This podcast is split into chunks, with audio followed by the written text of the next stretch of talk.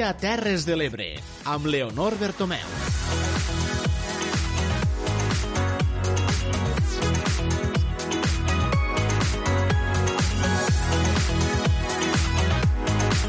Bon dia, benvinguts a l'Aldia Terres de l'Ebre. Comencem aquí l'edició d'avui dimecres 7 d'octubre, dia que hem sabut que Tortosa ja té llum verda de la Confederació Hidrogràfica de l'Ebre per a descatalogar el monument franquista de l'Ebre i, per tant, podria ser el primer pas per a poder-lo enderrocar. Tot plegat ho tractarem en temps d'informatiu. A més, ja els hi avanço que avui, en l'entrevista del dia, parlarem amb l'escriptor Martí Gironell, que acaba de publicar Paraula de Jueu, una novel·la que tot just este cap de setmana presenta a Mora d'Ebre. Avui, com sempre i com cada dia, els acompanyarem fins al punt de les 4 de la tarda i ja els hi avanço que tindrem tertúlia d'actualitat amb Alicia Gamundi, Josep Casador i Tomàs Margalef. Tot això i molt més el que és el que ens espera en el programa d'avui, així que comencem ja com cada dia recordant el nom de totes les persones que el fem possible i que són Tere Giné i Clara Seguí de, des de la Plana Ràdio, Núria Mora, Sara Hernández i Xavier Falcó des de Ràdio Tortosa, Laia Oltra i Francesc Callau des de la Cala Ràdio Júlia Alvesa, des de Ràdio Joventut, Eduard Carmona, des de Ràdio Delta, Tomàs Ginestra, Jordi Galo i Manel Ramon, des de Amposta Ràdio i Ruth Turc, des de Ràdio Mora la Nova. Ara nosaltres, per començar, anem com cada dia a fer una roda per les diferents emissores en el sumari de titulars.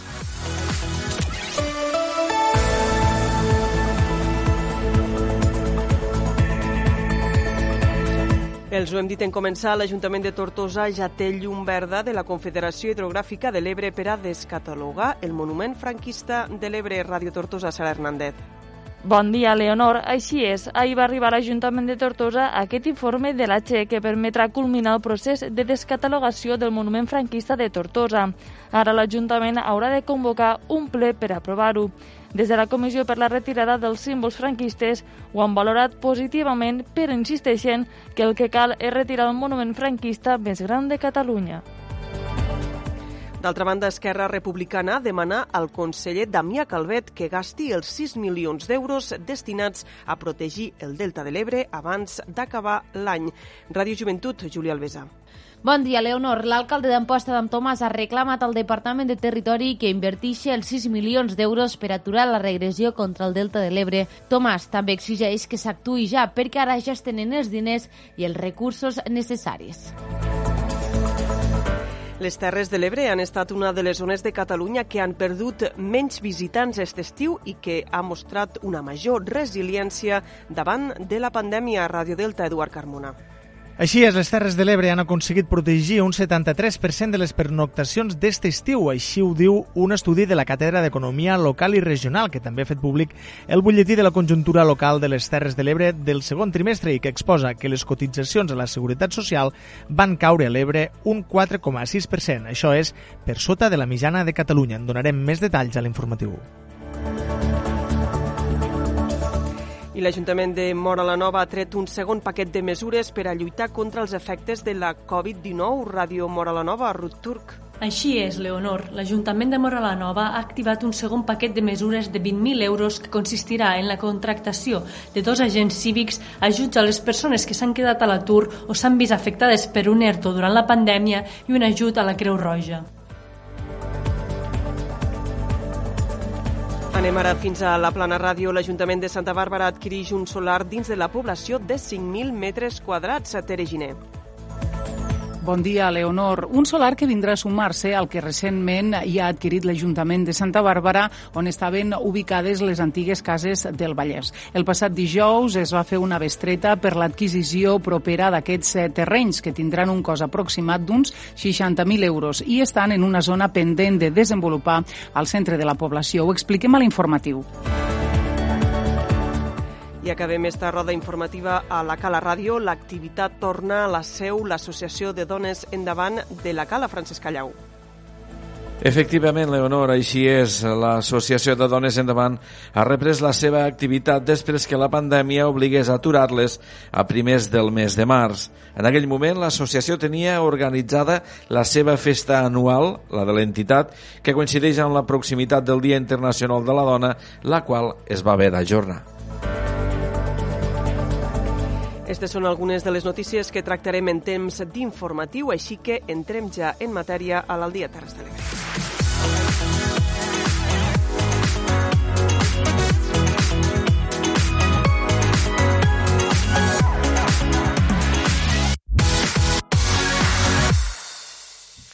Obrim portada informativa a l'Aldia Terres de l'Ebre. L'Ajuntament de Tortosa ja té llum verda de la Confederació Hidrogràfica de l'Ebre per descatalogar el monument franquista de l'Ebre.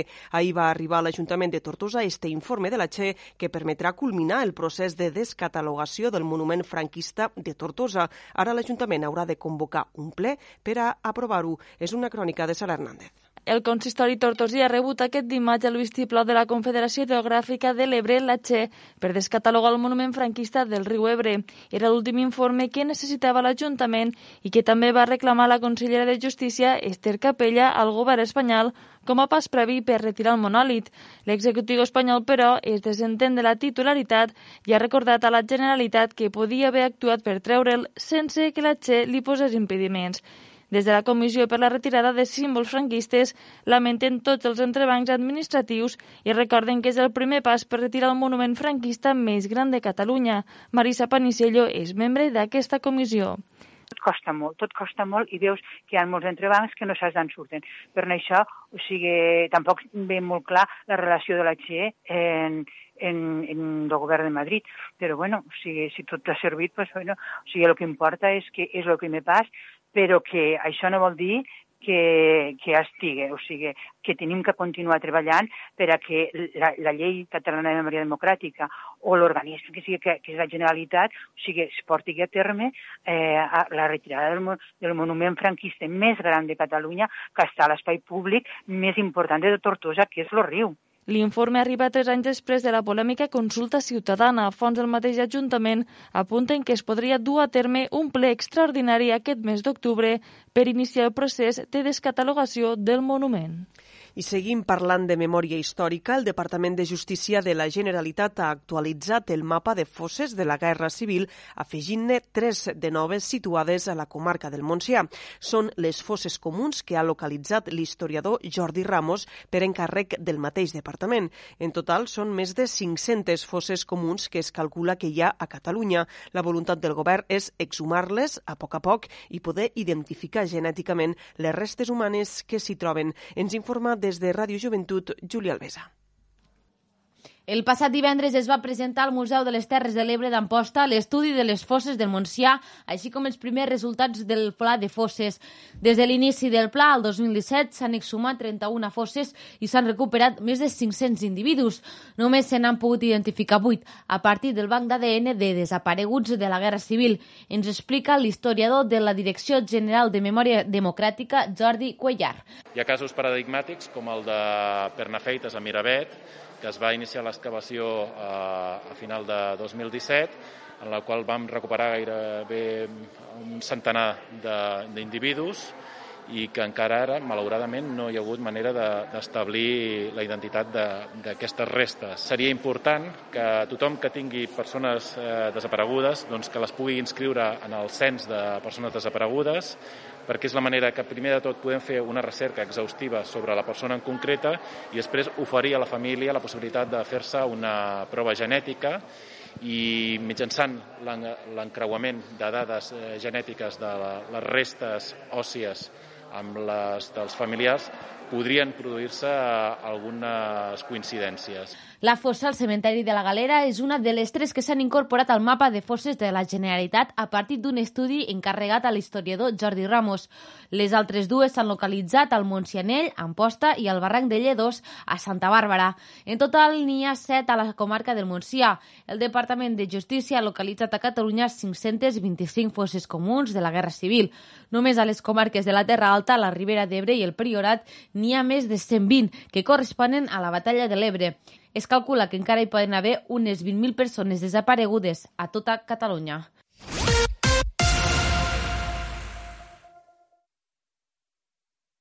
Una de la tarda i 14 minuts. Seguim repassant l'actualitat. Les Terres de l'Ebre han estat una de les zones de Catalunya que han perdut menys visitants aquest estiu i que ha ha mostrat una major resiliència davant la pandèmia. Així ho diu un estudi de la Càtedra d'Economia Local i Regional que també ha fet públic el butlletí de la conjuntura local de les Terres de l'Ebre del segon trimestre i que exposa que les cotitzacions a la Seguretat Social van caure a l'Ebre un 4,6%, per sota de la mitjana de Catalunya. Ens informa des de Ràdio Delta Eduard Carmona. Així és, Leonor. Les Terres de l'Ebre han estat una de les zones amb més resiliència turística aquest estiu, és a dir, que han mantingut més visitants respecte al 2019. Esta és una de les conclusions de l'estudi Resiliència de la demanda turística elaborat per la Càtedra d'Economia Local i Regional de la Universitat Rovira i Virgili. Segons aquest estudi, la Vall d'Aran i les Terres de l'Ebre són les que han aconseguit protegir millor la demanda turística. El director de la càtedra, Juan Antonio Duro, ha remarcat que a causa de la pandèmia, enguany no han analitzat analitzat el turisme en termes de creixement, sinó de protecció, ja que era impossible que hi hagués la mateixa demanda que l'any passat, perquè la situació ha estat molt diferent. En concret, s'ha estudiat el nombre de viatgers i pernoctacions que hi ha hagut segons el tipus d'allotjament. Turo ha fet una valoració positiva de la resiliència de les Terres de l'Ebre que ha aconseguit protegir gran part de la demanda, a diferència d'altres destinacions de Catalunya. Però, com veieu, hi ha una enorme diferència en la protecció de la demanda hotelera segons el territori. Una enorme diferència. Perquè per un costat tenim a Barcelona, on només ha protegit el 13% dels seus viatgers o el 10% de les seves pernoctacions, és a dir, un desastre, mentre que a la zona del Vall d'Aran i Pirineus, la protecció en tots dos indicadors està prop del 85%. I la segona marca ha estat Terres de l'Ebre. Eh? Com veieu, Terres de l'Ebre ha aconseguit protegir el 67% dels viatgers i el 72% de les pernotacions. Duro també ha fet públic el butlletí de la conjuntura local de les Terres de l'Ebre del segon trimestre, que exposa que la caiguda de les cotitzacions a la Seguretat Social ha estat a l'Ebre del 4,6% en relació al mateix període de l'any anterior i un per sota de la mitjana catalana. El sector que més ha caigut al territori ha estat el de l'hostaleria, amb un descens del 18,2% de les cotitzacions.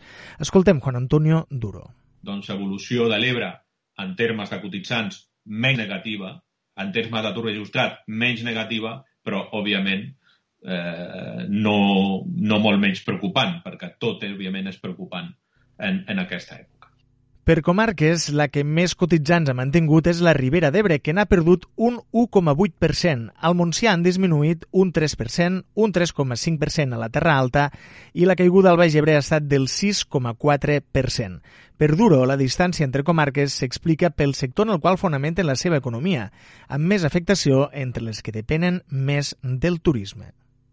I seguim parlant de les conseqüències econòmiques de la pandèmia de la Covid-19. Les mesures de restricció que s'apliquen a Tortosa des d'ahir per contenir l'expansió del coronavirus han generat preocupació entre els sectors comercial i de restauració a la capital del Baix Ebre. Ahir, primer dia d'entrada en vigor de les noves mesures, ja es van notar un descens de clients. Ens informa des de Ràdio Tortosa, Núria Mora. Recordem que les noves mesures que dicta el Procicat suposen reduir l'aforament fins al 70% d'actes culturals i del 50% en oficis religiosos i en bars i restaurants, però sobretot s'ha demanat a la ciutadania que limiti al màxim l'activitat social.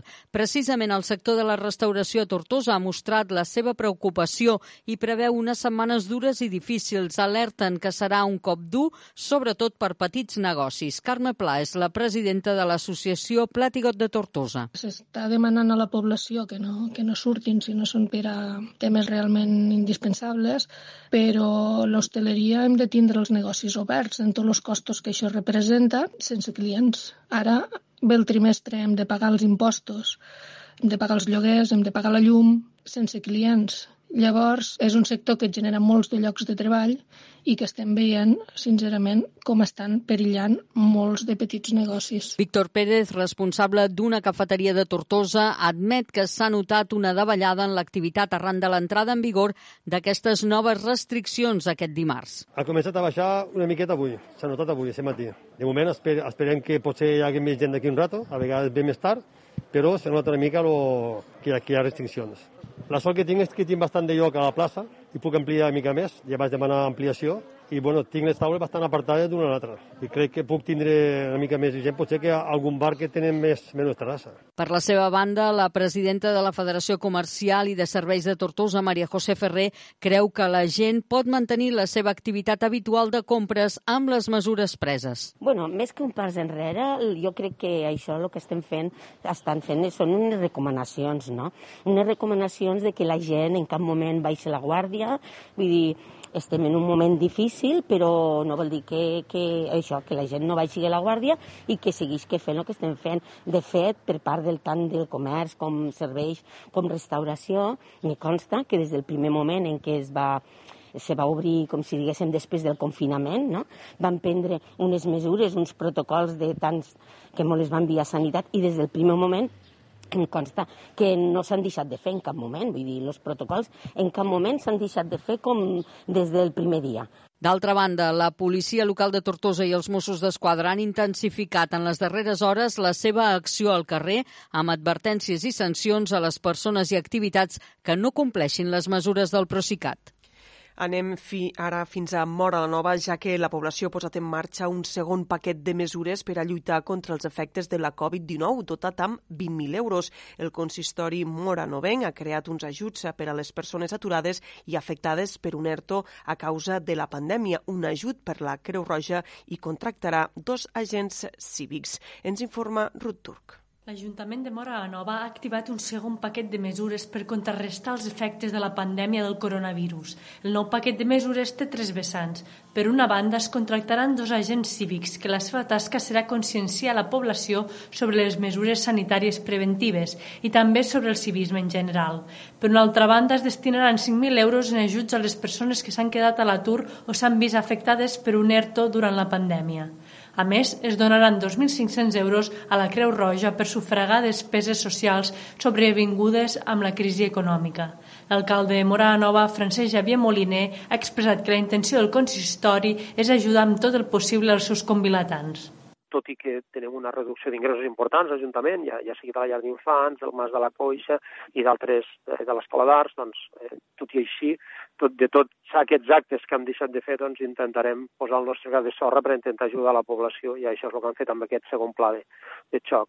En total, aquest paquet de mesures és de més de 20.000 euros i s'obtindran de la partida destinada a les festes majors 2020, que finalment no es van poder celebrar a causa de la crisi sanitària. El ple de l'Ajuntament de Morà Nova va aprovar per unanimitat en el darrer ple extraordinari destinar aquests diners a ajudes socials. Al mes de març es va posar en marxa un primer paquet de mesures o pla de xoc amb 12.000 euros amb diferents ajudes a les empreses i comerços locals, com el retorn de les taxes d'escombraries i, d'ocupació de l'espai públic de terrasses de bars i restaurants, així com la creació d'una campanya per potenciar el comerç local. Més qüestions a l'Aldia Terres de l'Ebre. Esquerra Republicana de Catalunya, a través de l'alcalde d'Amposta, Adam Tomàs, ha reclamat al Departament de Territori i Sostenibilitat que inverteixi els 6 milions d'euros compromesos per a aturar la regressió contra el Delta de l'Ebre. Tomàs exigeix que s'actue ja perquè, diu, ara ja es tenen els diners i els recursos per a poder-ho fer. És una crònica de Júlia Alvesa. Esquerra Republicana recrimina al conseller del Departament de Territori i Sostenibilitat, Damià Calvet, que no s'actuï per frenar la regressió del Delta de l'Ebre. L'alcalde d'Amposta, Adam Tomàs, ha alegat que el departament té 6 milions d'euros per invertir al Delta i frenar la seva regressió i ha recriminat al conseller que continua amb els braços plegats. Una de les coses que volem traslladar avui des d'aquí és eh, que es fiquin les piles. El Departament de Territori té dos mesos per a tirar endavant eh, accions al nostre territori per valor de 5 milions d'euros. Jo crec que eh, feia molts d'anys que no es disposava d'una quantitat com esta eh, de diners eh, i de recursos que precisament mm, són fruit d'un acord parlamentari i que eh, ens han d'ajudar a protegir el delta. Per tant, tampoc no volem eh, que per part de la Generalitat, del Departament de Territori i del conseller Calvet se mos fiquin més excuses damunt de la taula. A escala autonòmica, la diputada republicana Brenca Irene Fornós ha explicat que Esquerra va registrar la setmana passada la proposta de la creació d'una comissió d'estudi de protecció del Delta de l'Ebre davant de les amenaces de la regressió, la subsidència, la minva dels cabals del riu i les conseqüències que té el canvi climàtic. És ficar a la institució del Parlament la problemàtica de la protecció, no, de la vulnerabilitat que té en aquests moments el Delta de l'Ebre i creiem que aquesta comissió d'estudi ha de ser l'eina parlamentària que ens ha de poder permetre no només eh, treballar-hi, sinó que a la vegada implicar també a la resta de partits polítics i que s'aconsciencien no, de, de la problemàtica que està patint en aquests moments el Delta de l'Ebre. A nivell estatal, la diputada al Congrés, Norma Pujol, ha anunciat que presentaran una esmena addicional a la proposta de llei pel canvi climàtic perquè s'inclogui en la planificació els impactes derivats de la retenció dels sediments i les solucions per la seva mobilització. Perquè, de manera sorprenent, aquest apartat de projecte de llei no fa cap referència a la gestió de sediments un aspecte que sabem que és fonamental per aturar la regressió i la subsidiència del Delta de l'Ebre. Finalment, les diputades i l'alcalde d'Amposta han assenyalat que Esquerra Republicana continua mantenint el pols a les institucions polítiques perquè la problemàtica del Delta continuï al focus del debat. Anem ara fins a Santa Bàrbara, ja que l'Ajuntament ha adquirit un solar dins de la població de 5.000 metres quadrats. El passat dijous es va fer una bestreta per a l'adquisició d'este terreny que tindrà un cost aproximat de 60.000 euros. És una crònica des de la plana ràdio de Tereginer. Efectivament, al passat ple municipal, l'Ajuntament de Santa Bàrbara feia una actualització dels béns mobles i immobles que disposa actualment el nostre municipi. Un dels béns recentment incorporats a aquesta llista ha estat eh, el solar dins del casc urbà on estaven ubicades eh, les cases del Vallès i que es convertirà en un aparcament municipal. Dilluns, però, l'alcalde, a l'espai radiofònic, l'alcalde Respon, ens confirmava que l'Ajuntament adquirirà un nou terreny dins del casc casc urbà. Aquests són uns eh, terrenys de 5.000 metres quadrats eh, que la major part, un cop estigui desenvolupada la zona, seran carrers i voreres i dels quals només en quedaran útils 1.500. Escoltem a Antoni Olles. Pues clar, este solar ara era, hasta ara era d'una era d'una persona, era una propietat privada, i le, van fer una oferta perquè, clar, a, a nosaltres nos interessa poder obrir algun dia aquell carrer. Eh, de 5.000 metres quadrats, allí queda de terreno útil 1.500, perquè tota la, tota la resta són carrers, voreres, per tant, és un solar que realment d'utilitat ja la propietària ja va, ja va entendre que allò no, no, no té massa profit, no és molt aprofitable i per això ja va veure que si, o le comprava l'Ajuntament o allí difícilment podria trobar algun comprador privat, no?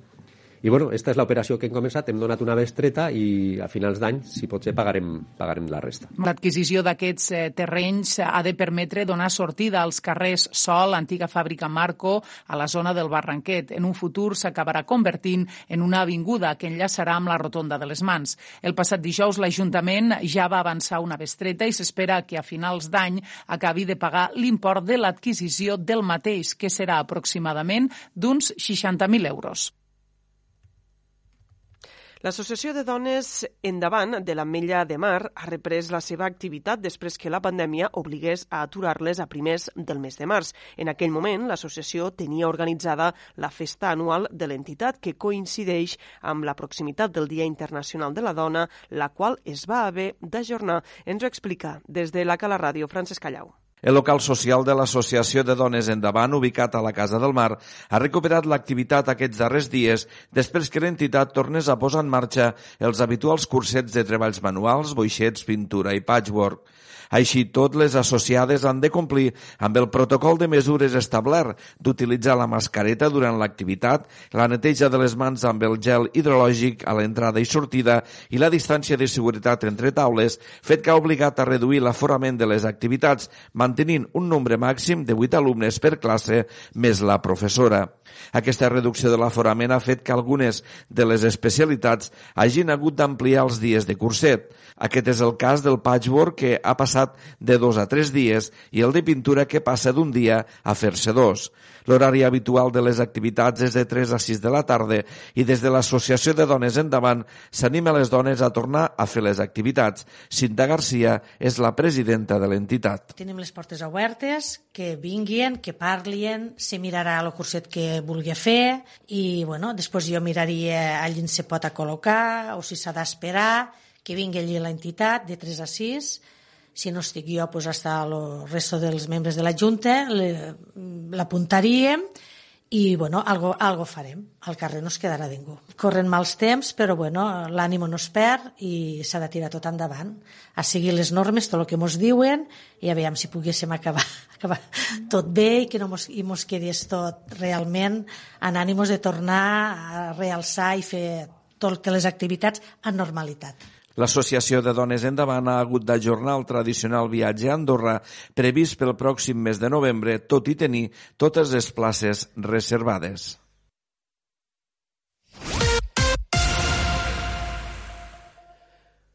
Una de la tarda, gairebé 30 minuts. Seguim repassant l'actualitat a l'Aldia Terres de l'Ebre. Ara amb la plana cultural, Alcanà ha estrenat dos eines de difusió del patrimoni històric, un escape room i una visita virtual. Dos eines que s'han presentat este cap de setmana en motiu de la vintena edició del cap de setmana Iber celebrat al municipi tereginer.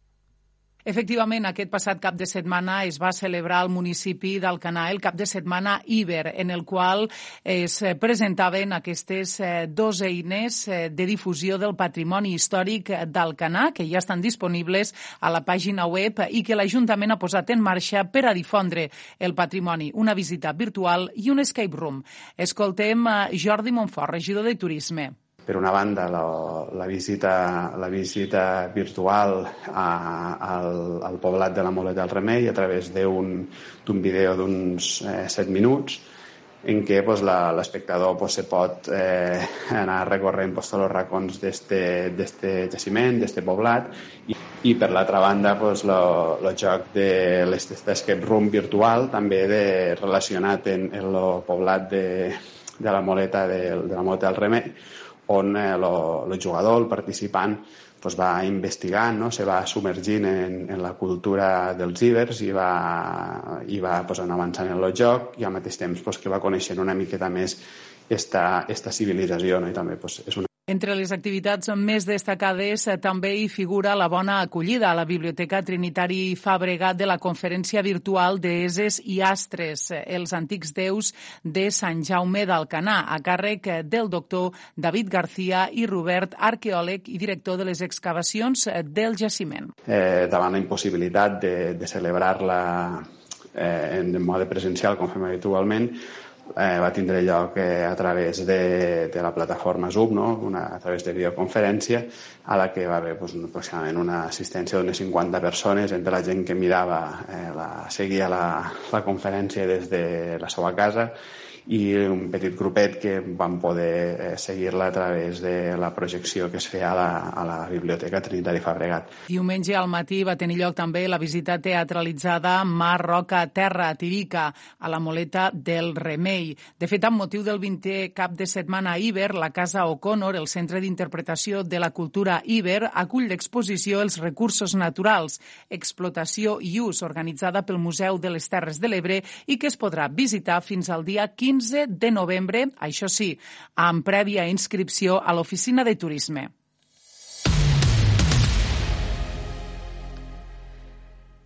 Fins a aquest divendres 9 d'octubre, els alumnes de primer cicle d'educació infantil dels centres de la comarca del Bagebre, entre ells les llars d'infants Xerinola de la Mella de Mar, poden sol·licitar els ajuts per a l'assistència al centre, un ajut que atorga anualment el Consell Comarcal del Bagebre. Ens informa Francesc Callau.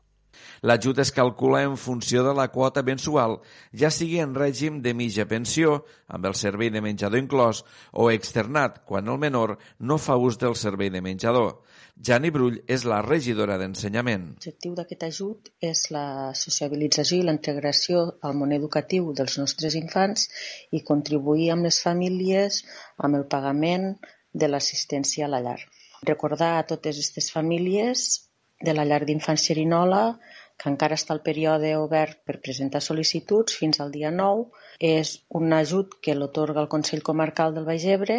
La sol·licitud es pot anar a buscar presencialment o bé demanar-la mitjançant el correu electrònic xerinola.ametllamar.cat.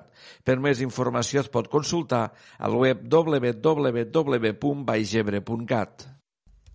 Els Mossos d'Esquadra han condecorat a la presidenta del Consell Comarcal de la Ribera d'Ebre, a tres agents municipals de Flix i a tres civils per la col·laboració durant l'incendi del juny de l'any passat. Ens ho explica Ruth Turk.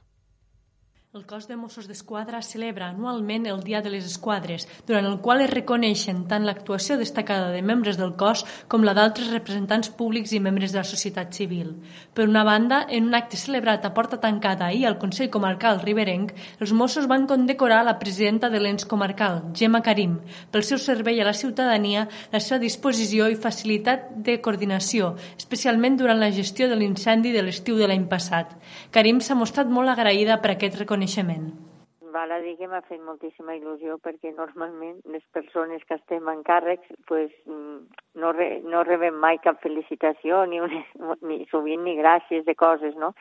I doncs el dia que m'ho van comunicar doncs primer me va sorprendre molt i, i em fa molt contenta perquè en mi pues, hi ha grans equips de persones que intentem doncs, servir a la nostra ciutadania, tant a l'Ajuntament de Vinebre com aquí al Consell. Per una altra banda, en un acte celebrat ahir a la sala de plens de l'Ajuntament de Flix, els Mossos d'Esquadra també van reconèixer les actuacions meritòries durant l'incendi dels agents del cos de la Guàrdia Municipal de Flix, Àlex Estela Carreras, Josep Antoni Riu Cervelló i Francisco Sampé Adell, i els civils Antonio José Jiménez Sánchez, Manuel Àngel Alentorn Sánchez i Joaquim Alentorn Sánchez.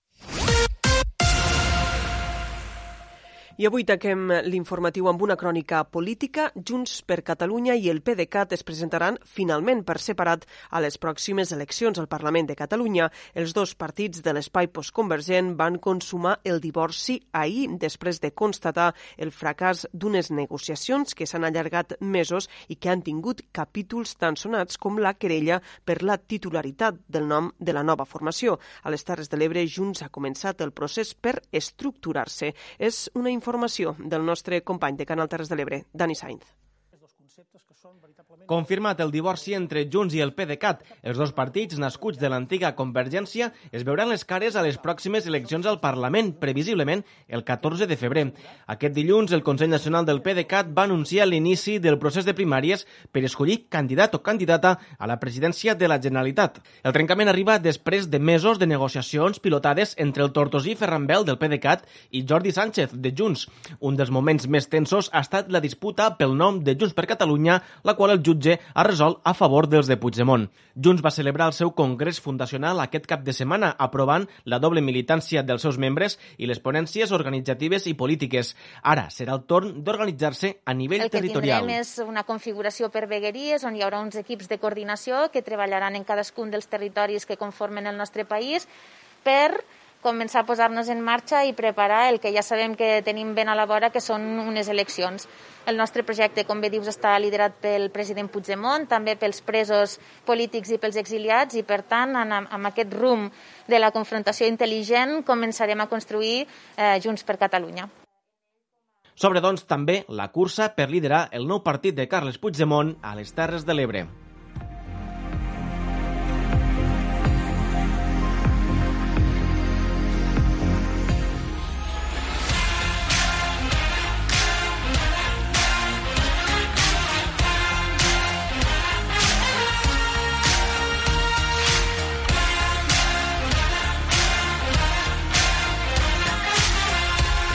Al dia, els esports de les Terres de l'Ebre. Ens ocupem ara de la informació esportiva al dia Terres de l'Ebre. Després de tres temporades sense equip, el vòlei femení dels Roquetes torna a competir a la quarta catalana. Després de dues jornades, les roquetenques no renuncien a poder pujar de categoria no va poder ser. Els sèniors femení, filial del Boli Roquetes, que s'estrenaven a casa a la mala afició, van perdre pel mateix marcador, un 7 a 3 davant el Martorell i el Cunit. El partit de les fèmines, que van tornar a vestir-se de curt després de tres temporades, va ser igualat fins al final. Sí, sí, semblava que podíem lluitar l'últim set, evidentment. Nosaltres ja... Elles estaven molt crescudes, nosaltres ens hem atascat molt en una recepció, no sortíem, no fèiem punts, i bueno, l'últim ja ha sigut molt difícil, però els anteriors bueno, han sigut superlluitats. Tot i la derrota, l'entrenadora roquetenca destaca el fet de tornar a comptar amb un equip sènior i es marca l'objectiu d'ascendir. Tenim moltes ganes, teníem moltes ganes ja de poder tornar i, i som, un, som un equip molt nombrós, tenim molta gent i, i ens dona molta facilitat per a poder fer rotacions i provar amb diferents jugadores. Hi ha jugadores que les hem recuperat que feien molt de temps que no jugaven a vòlei, d'altres que portàvem uns quants anys que no havíem pogut treure un sènior, juvenils que han pogut passar a tenir un sènior ara i poder seguir el seu recorregut. Així que objectiu i el nivell que tenim seria pujar tercer any que ve. La setmana vinent el femení es desplaça a Cubelles i el sènior masculí visitarà la pista del vòlei Barcelona. El primer equip s'estrenarà a la primera nacional rebent els noms.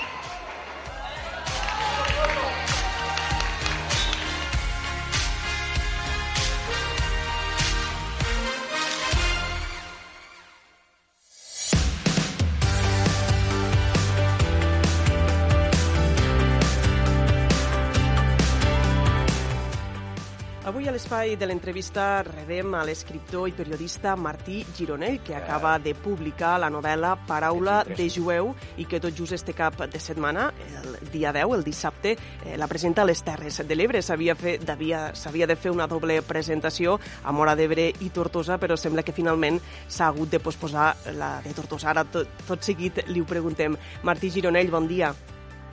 Bon dia, em sentiu bé ara? Ara sí, et sentim bé, Martí. Eh, comentàvem eh, que hi havia prevista una doble presentació este cap de setmana a les Terres de l'Ebre de la novel·la Paraula de Jueu a Mora d'Ebre i a Tortosa, però que finalment la, la presentació a Tortosa s'ha hagut de, de posposar, ja que recordem que el Procicat eh, doncs, eh, ha recomanat a Tortosa unes mesures especials a causa de, dels contagis de Covid-19. És així, no? Sí, és així. És eh, una realitat que ja sabíem que ens hi podíem trobar. A moment que sortia la novel·la estàvem, sabíem que estaríem condicionats per la presència del virus, però tot i això no, no ens hem rendit i no volíem donar el braç a torça i per tant vam anar eh, programant i agendant presentacions. Vam començar el 4 de setembre eh, a Girona i de fet portem un molt bon ritme, no ens podem pas queixar. La de Tortosa és la primera que eh, se'ns ha posposat, se'ns ha ajornat, o sigui que tard o d'hora eh, amenaço que vindré, però en canvi hem pogut eh, mantenir la de Mora d'Ebre, aquest vermut presentació que farem a les instal·lacions del Club Nàutic de Mora eh, amb, la, amb la papereria, llibreria La Bassa i també amb l'acompanyament de la pastisseria Valero, que ens farà uns dolços, uns pastissets jueus que surten a la novel·la perquè eh, les persones que vinguin doncs, acabin d'entrar encara molt més dins d'aquesta història que hi ha a paraula de jueu. Però, evidentment, eh, hem de demostrar que la cultura és segura i que la cultura cura i que ens ajuda a vèncer eh, aquest maleït virus a través d'això, de, la, de la paraula no? i de la força de la paraula. Uh -huh. Crec que també comptaràs en la presentació amb la presència de l'escriptor Jesús Tibau. Sí, en Jesús Tibau eh, i jo som prou bons amics eh, i li vaig demanar si em podia fer el favor de pujar de Tortosa cap a Mora i em va dir que ho faria encantat i ell farà de mestre de cerimònies, eh, farà de, d'introductor i m'agradarà molt sentir quina és la lectura que ha fet ell de la novel·la perquè sempre té aquest punt de vista tan especial que m'agrada tant eh, en Jesús. Si et sembla, Martí, ara sí ja parlem del llibre. Eh, com dèiem, Paraula de jueu és la teva última novel·la i, de fet, podem dir que és la continuació del teu primer llibre, El pont dels jueus. I la novel·la comença amb una riuada que destrossa el pont de Besalú l'any 1315. Exacte, tu ho has dit, és la continuació natural del Pont dels Jueus, aquesta novel·la que eh, va sortir publicada el 2007 i que segurament eh, deu haver-hi molts oients i molts espectadors que ens puguin estar veient que l'han sentida, perdó, que l'han llegida. Bé, potser també l'han sentida perquè eh, hi ha la possibilitat de fer l'audiollibre i, per tant, de posar-te a les orelles narrat per mi mateix. Però, com tu bé dius, és aquesta continuació a partir d'aquest encàrrec que eh, les autoritats de Besalú li fan al mestre d'obres Pere Baró, un personatge real que ve de Perpinyà i que ha de reconstruir aquest pont que en la primera novel·la la novel·la de la construcció del pont de Besalú, eh, el pont dels jueus, veiem com es va construir per primera vegada, perquè aquest home, quan arriba, Pere Baró li donen per llegir el manuscrit que li diuen que havia escrit el fill del primer constructor del pont. I llavors, juntament amb Pere Baró, eh, llegim les vicissituds que van acompanyar la creació d'aquella obra, de que com es va aixecar aquell pont de Besalú, que era una peça clau per l'economia, per la política i per la defensa del comtat de Besalú. I quan acaba de llegir, s'acaba el pont dels jueus. Per això que jo sempre havia pensat que hi havia la continuació natural en tant que havíem de veure com anaven les feines de reconstrucció en aquest ple segle XIV, que sabia que era molt convuls econòmicament, políticament, religiosament, i que, vaja, arreu on hi havia hagut presència jueva, Tortosa, per exemple, va ser un lloc també -huh. que va rebre eh, doncs, la, la presència dels jueus i va rebre també aquesta virulència contra la comunitat, doncs era important per explicar què havia passat en aquella època, i m'hi vaig capbussar i durant 13 anys l'he estat treballant i documentant allò, fent feina de formigueta. Tot just amb la reconstrucció del pont comença tota la trama, no? Com un poble i dos comunitats, la cristiana i, i la jueva, doncs s'uneixen per un objectiu comú, que és reconstruir sí. el pont de Besalú. Aquesta és una mica també la lectura que es pot fer de la novel·la, de veure que s'ha de reconstruir el pont físicament, pedra a pedra, i que per fer-ho doncs, tothom s'ha de remengar, tothom eh, s'hi ha d'involucrar perquè tothom en traurà profit, tant jueus com cristians. I d'altra banda, hi ha una altra part de la novel·la que parla de la creació, de la construcció, de l'apuntalament d'un altre pont que s'haurà també d'enfortir, que és el pont simbòlic, la imatge del pont continua sent molt potent en aquest sentit, aquest pont de relació, d'entesa, de eh, comunicació, de diàleg entre dues cultures que estan condemnades a entendre's, però que tant les elites eclesiàstiques com les que hi ha al voltant del rei s'esforcen en mirar de, de destruir, de tombar aquest pont. No? I en aquesta feina hi tindrà una particular, diguéssim, um, un particular protagonisme en Quim Llombard, Yehoiakim Llombard, que vol dir Joaquim en hebreu, que entre d'altres coses significa el que construirà, en el fet aquest de posar-se no només a reconstruir pedra a pedra el pont, l'obra arquitectònica, sinó també arquitectònica, sinó també aquest pont de diàleg, d'entesa entre cultures, entre um, comunitats que pensen i que veuen el món de manera diferent. No? Aquesta lectura i aquesta reflexió també hi és en aquesta novel·la, malgrat que el trem d'aventura medieval eh, hi és des del principi fins al final, i, i aquesta és la voluntat també, que els lectors, quan s'hi capbussin, eh, tinguin la sensació que viuen en aquella època, que entenen des de primera línia què és el que va motivar, què és el que va originar aquest gran conflicte entre les dues eh, comunitats, però que també hi havia gent a peu de carrer, gent normal i corrent, eh, a través dels seus ulls, per tant, de qui va patir aquesta història, ho entendrem molt millor, que lluitaven per eh, mirar de continuar enfortint aquestes relacions, no? i fer-ho tot plegat a través de la força de l'amor, de la força de les paraules, del poder, de les conviccions, del respecte, de la voluntat de voler entendre l'altre. No? Per mi, les paraules no deixen de ser aquestes pedres que eh, poden ser claus a l'hora d'aixecar, fonamentals a l'hora d'aixecar aquests ponts d'entesa entre comunitats que eh, sembla que estiguin, eh, doncs això, no? eh, distanciades, però que hi ha més del que comparteixen, més del que els uneix, que no pas del que, del que els separa. I, per tant, també es pot fer, en certa manera, una lectura o extrapolar certes coses per llegir l'actualitat. No? La història gira al voltant de la reconstrucció del pont de Besalú, que diferents interessos i maniobres doncs, eh, que, no, que s'oculten intentaran aturar les obres. T'he sentit dir en alguna entrevista que a l'època també hi havia fake news, no? Sí, és que eh, jo per això dic que, malgrat que quan fem novel·la històrica mirem de traslladar els lectors fins a aquella època perquè l'entenguin doncs, a partir de les cultures, les tradicions, la política, la manera que tenien de menjar o de eh, relacionar-se, hi ha també eh, fets que sembla que siguin patrimoni nostre de l'actualitat, com les fake news, com tu bé apuntes, però, per exemple, eh, aquests rumors, que no deixen de ser una altra cosa que aquesta perversió de les notícies o aquesta perversió de la informació, és la que van fer servir molts cristians per mirar de generar eh, aquesta incertesa incertesa al voltant de la cultura jueva i a partir d'aquí generar també un clima d'odi, que de l'odi a la violència hi va haver-hi un pas, no? que va esclatar a finals del segle XIV amb aquests eh, episodis tan violents a diversos calls eh, de Catalunya fins també consumar-se en eh, l'expulsió dels jueus. Per tant, a partir d'aquestes fake news medievals, a partir d'estendre aquest rumor, doncs es va mantenir un discurs oficial que la, la desgràcia és que la gent d'aquella època no podia contrastar com nosaltres ara sí que tenim mitjans per contrastar quan ens volen vendre gat per llebre, no? quan ens volen donar alguna notícia que no és real,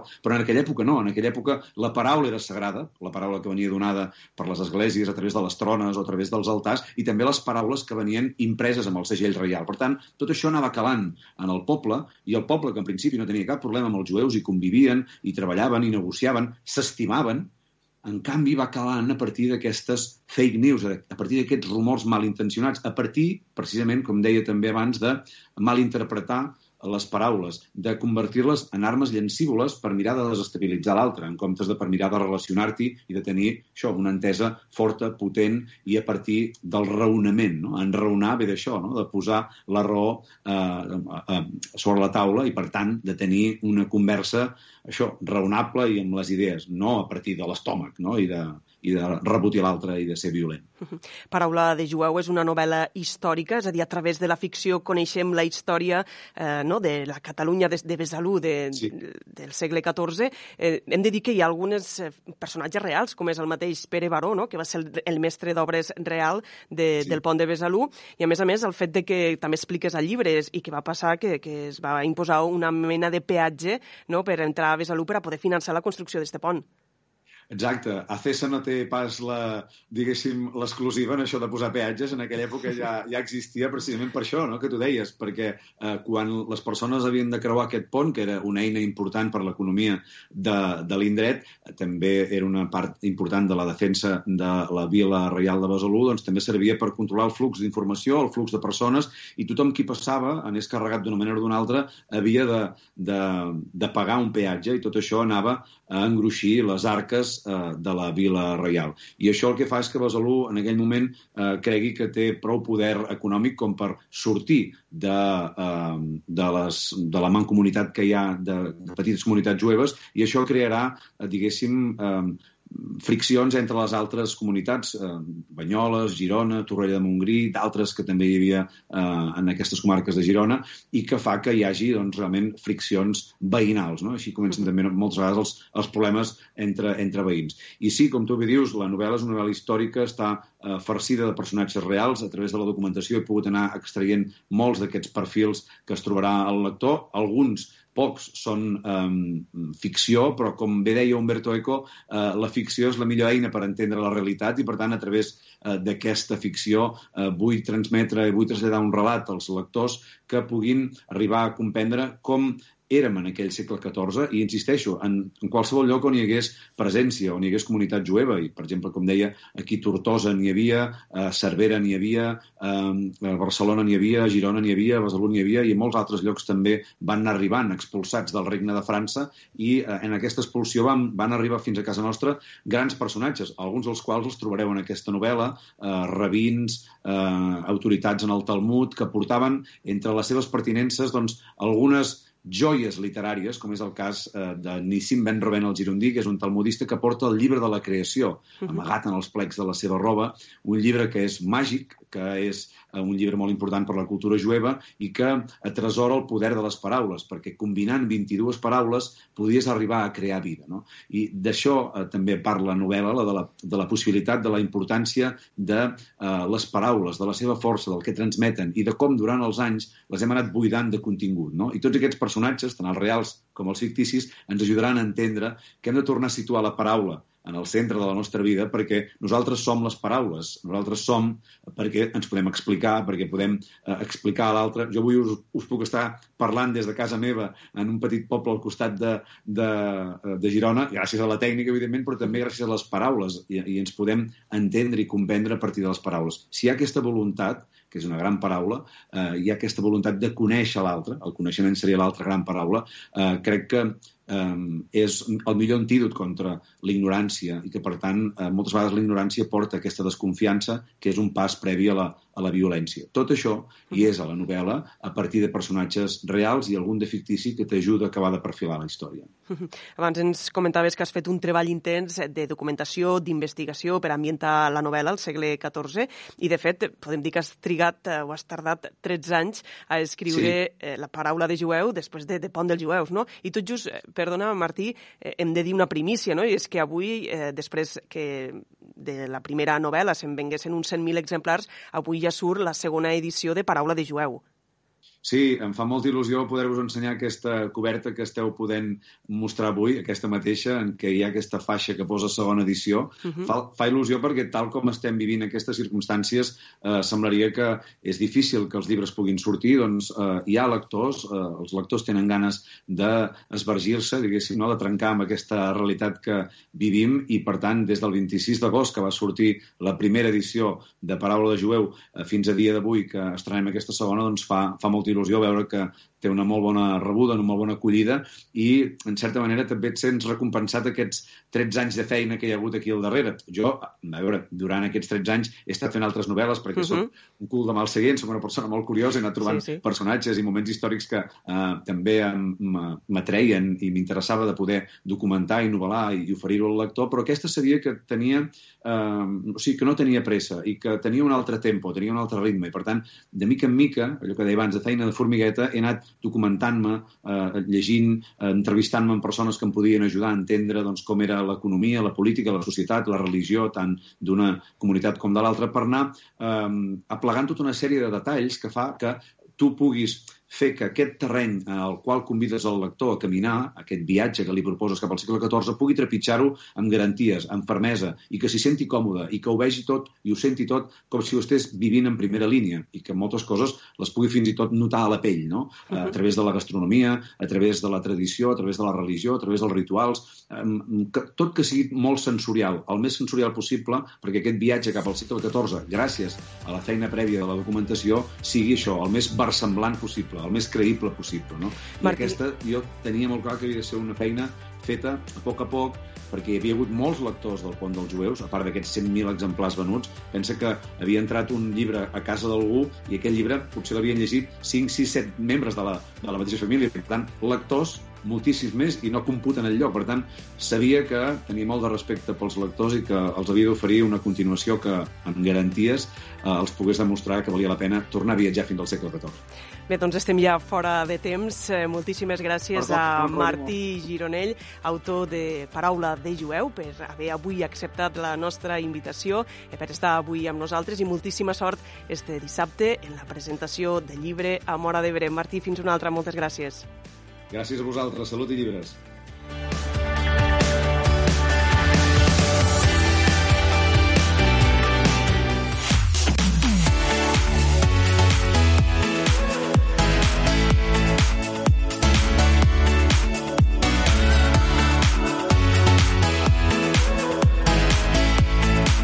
dia, l'agenda de les Terres de l'Ebre.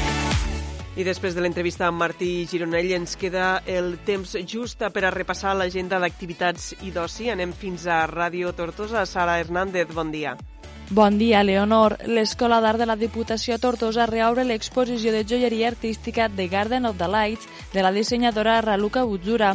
La mostra, que es va haver de suspendre el passat mes de març a causa de l'estat d'alarma, es podrà visitar del 16 d'octubre al 21 de novembre, de dilluns a divendres, de 10 del matí fins a les 8 de la tarda i dissabtes de 6 de la tarda a 8. La Biblioteca Marcelí Domingo de Tortosa ha preparat un centre d'interès dedicat als bolets. Han fet una selecció de llibres i documents per donar a conèixer les diferents tipologies de bolets, llibres de gastronomia o guies excursionistes. I demà, a les 8 i les 9 del vespre, es podrà assistir a la mostra de creació en procés teatre-dansa de Marc Grifoll i Lucía Nieto. L'entrada serà gratuïta, però cal fer reserva a mgrifoll.com, ja que l'aforament és limitat s'ubicarà a la Sala Arts al carrer del Vall de Tortosa. I fins aquí la primera hora de l'Aldia Terres de l'Ebre. Tornem en uns minuts amb més continguts a la segona hora. Fins ara.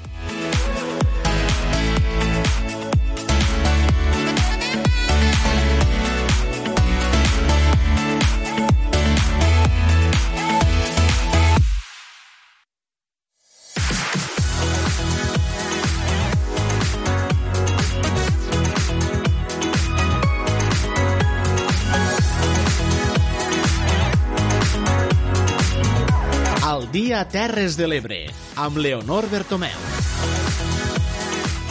Dos de la tarda i quatre minuts. Benvinguts de nou a l'Aldia Terres de l'Ebre. En esta segona hora, avui anirem fins a Tortosa, en la secció de Poble en Poble.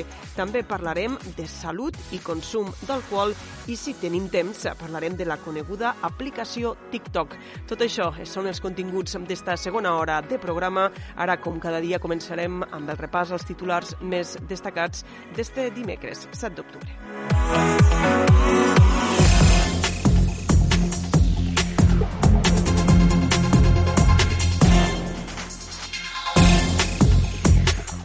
L'Ajuntament de Tortosa ja té llum verda de la Confederació Hidrogràfica de l'Ebre per a descatalogar el monument franquista de l'Ebre. Ahir va arribar a l'Ajuntament de Tortosa un informe de la Confederació que permetrà culminar el procés de descatalogació del monument franquista de Tortosa. Ara l'Ajuntament haurà de convocar un ple per aprovar-ho.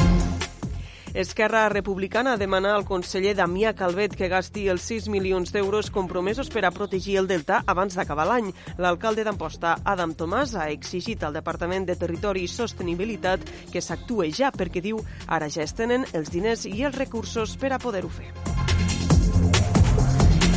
Les Terres de l'Ebre han estat una de les zones de Catalunya que han perdut menys visitants aquest estiu i que han mostrat una major resiliència davant la pandèmia. De fet, les Terres de l'Ebre han pogut protegir un 73% de les pernoctacions. Mora la Nova posa en marxa un segon paquet de mesures per a lluitar contra els efectes de la Covid-19 dotat amb 20.000 euros. Preocupació entre comerciants i restauradors de Tortosa davant les noves mesures de contenció contra la Covid-19 que van entrar en vigor ahir dimarts. Junts per Catalunya i el PDeCAT es presentaran finalment per separat a les pròximes eleccions al Parlament de Catalunya a les Terres de l'Ebre i Junts ha començat ja a estructurar-se. L'Ajuntament de Santa Bàrbara ha adquirit un solar dins de la població de 5.000 metres quadrats. El passat dijous es va fer una bestreta per a l'adquisició del terreny que tindrà un cost aproximat de 60.000 euros. Alcanar estrena dos eines de difusió del patrimoni històric, un escape room i una visita virtual. Els Mossos d'Esquadra condecoren a la presidenta del Consell Comarcal de la Ribera d'Ebre i a tres agents municipals de Flix i a tres civils per a la seva col·laboració durant l'incendi del juny de l'any passat. L'activitat ha tornat a la seu de l'Associació de Dones endavant de la Cala. L'associació ha reprès l'activitat després que la pandèmia obligués a aturar-la a principis del mes de març. Estos són els titulars més destacats d'este dimecres 7 d'octubre. Entrem ja en els continguts de la segona hora a l'Aldia Terres de l'Ebre.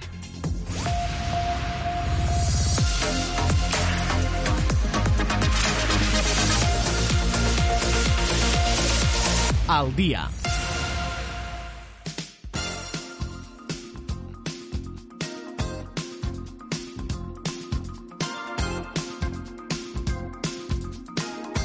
Nosaltres eh, comencem esta segona hora amb la secció de Poble en Poble. Avui anem fins a Tortosa per a conèixer com es treballa per agafar el relleu de la capital, capitalitat de la cultura catalana a Catalunya l'any que ve. La nostra companya Núria Mora entrevista al regidor de Cultura de l'Ajuntament de Tortosa. Endavant, Núria.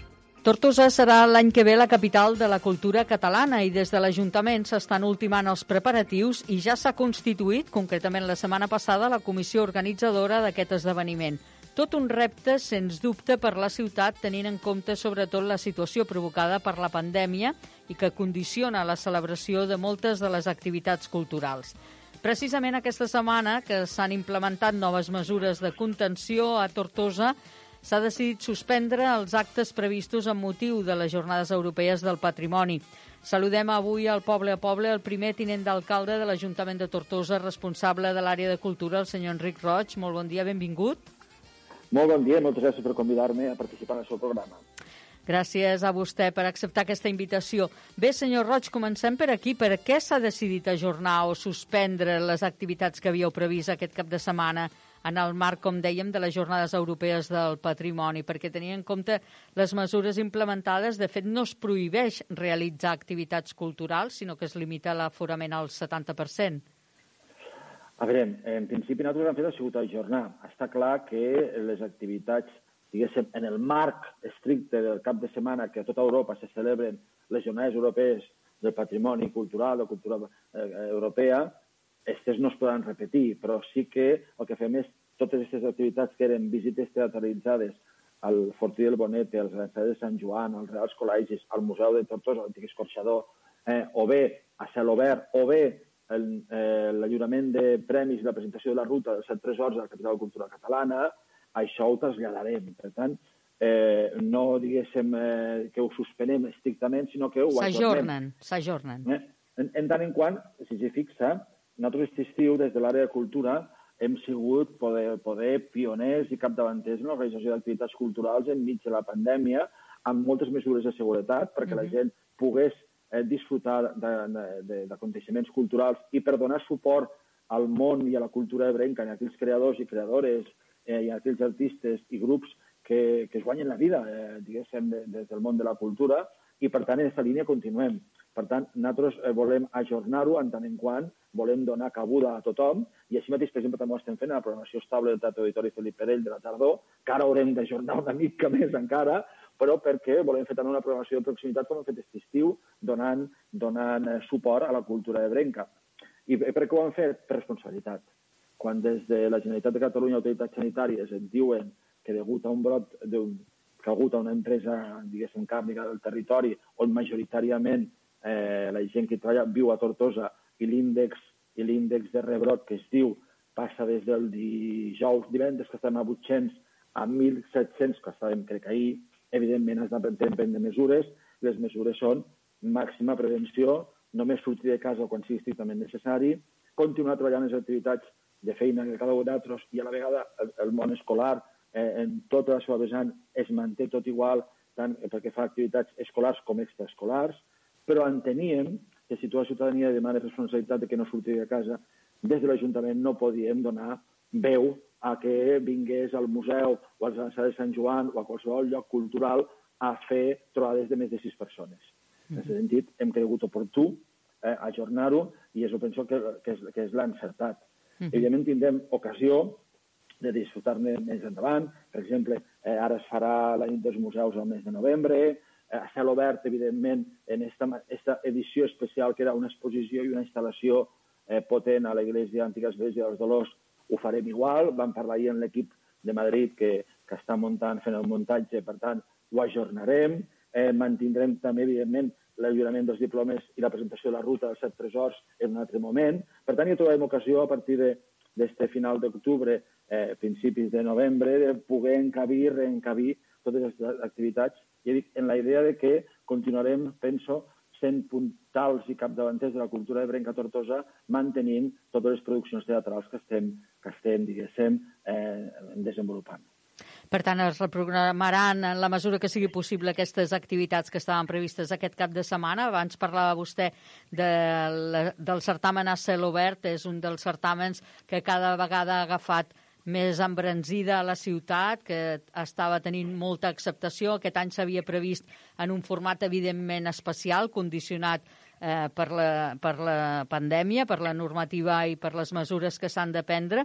Era una instal·lació que s'havia de, de, de visitar a la plaça dels Dolors. Expliquem una mica en què consistirà, perquè, com vostè deia, també es reprogramarà aquesta instal·lació.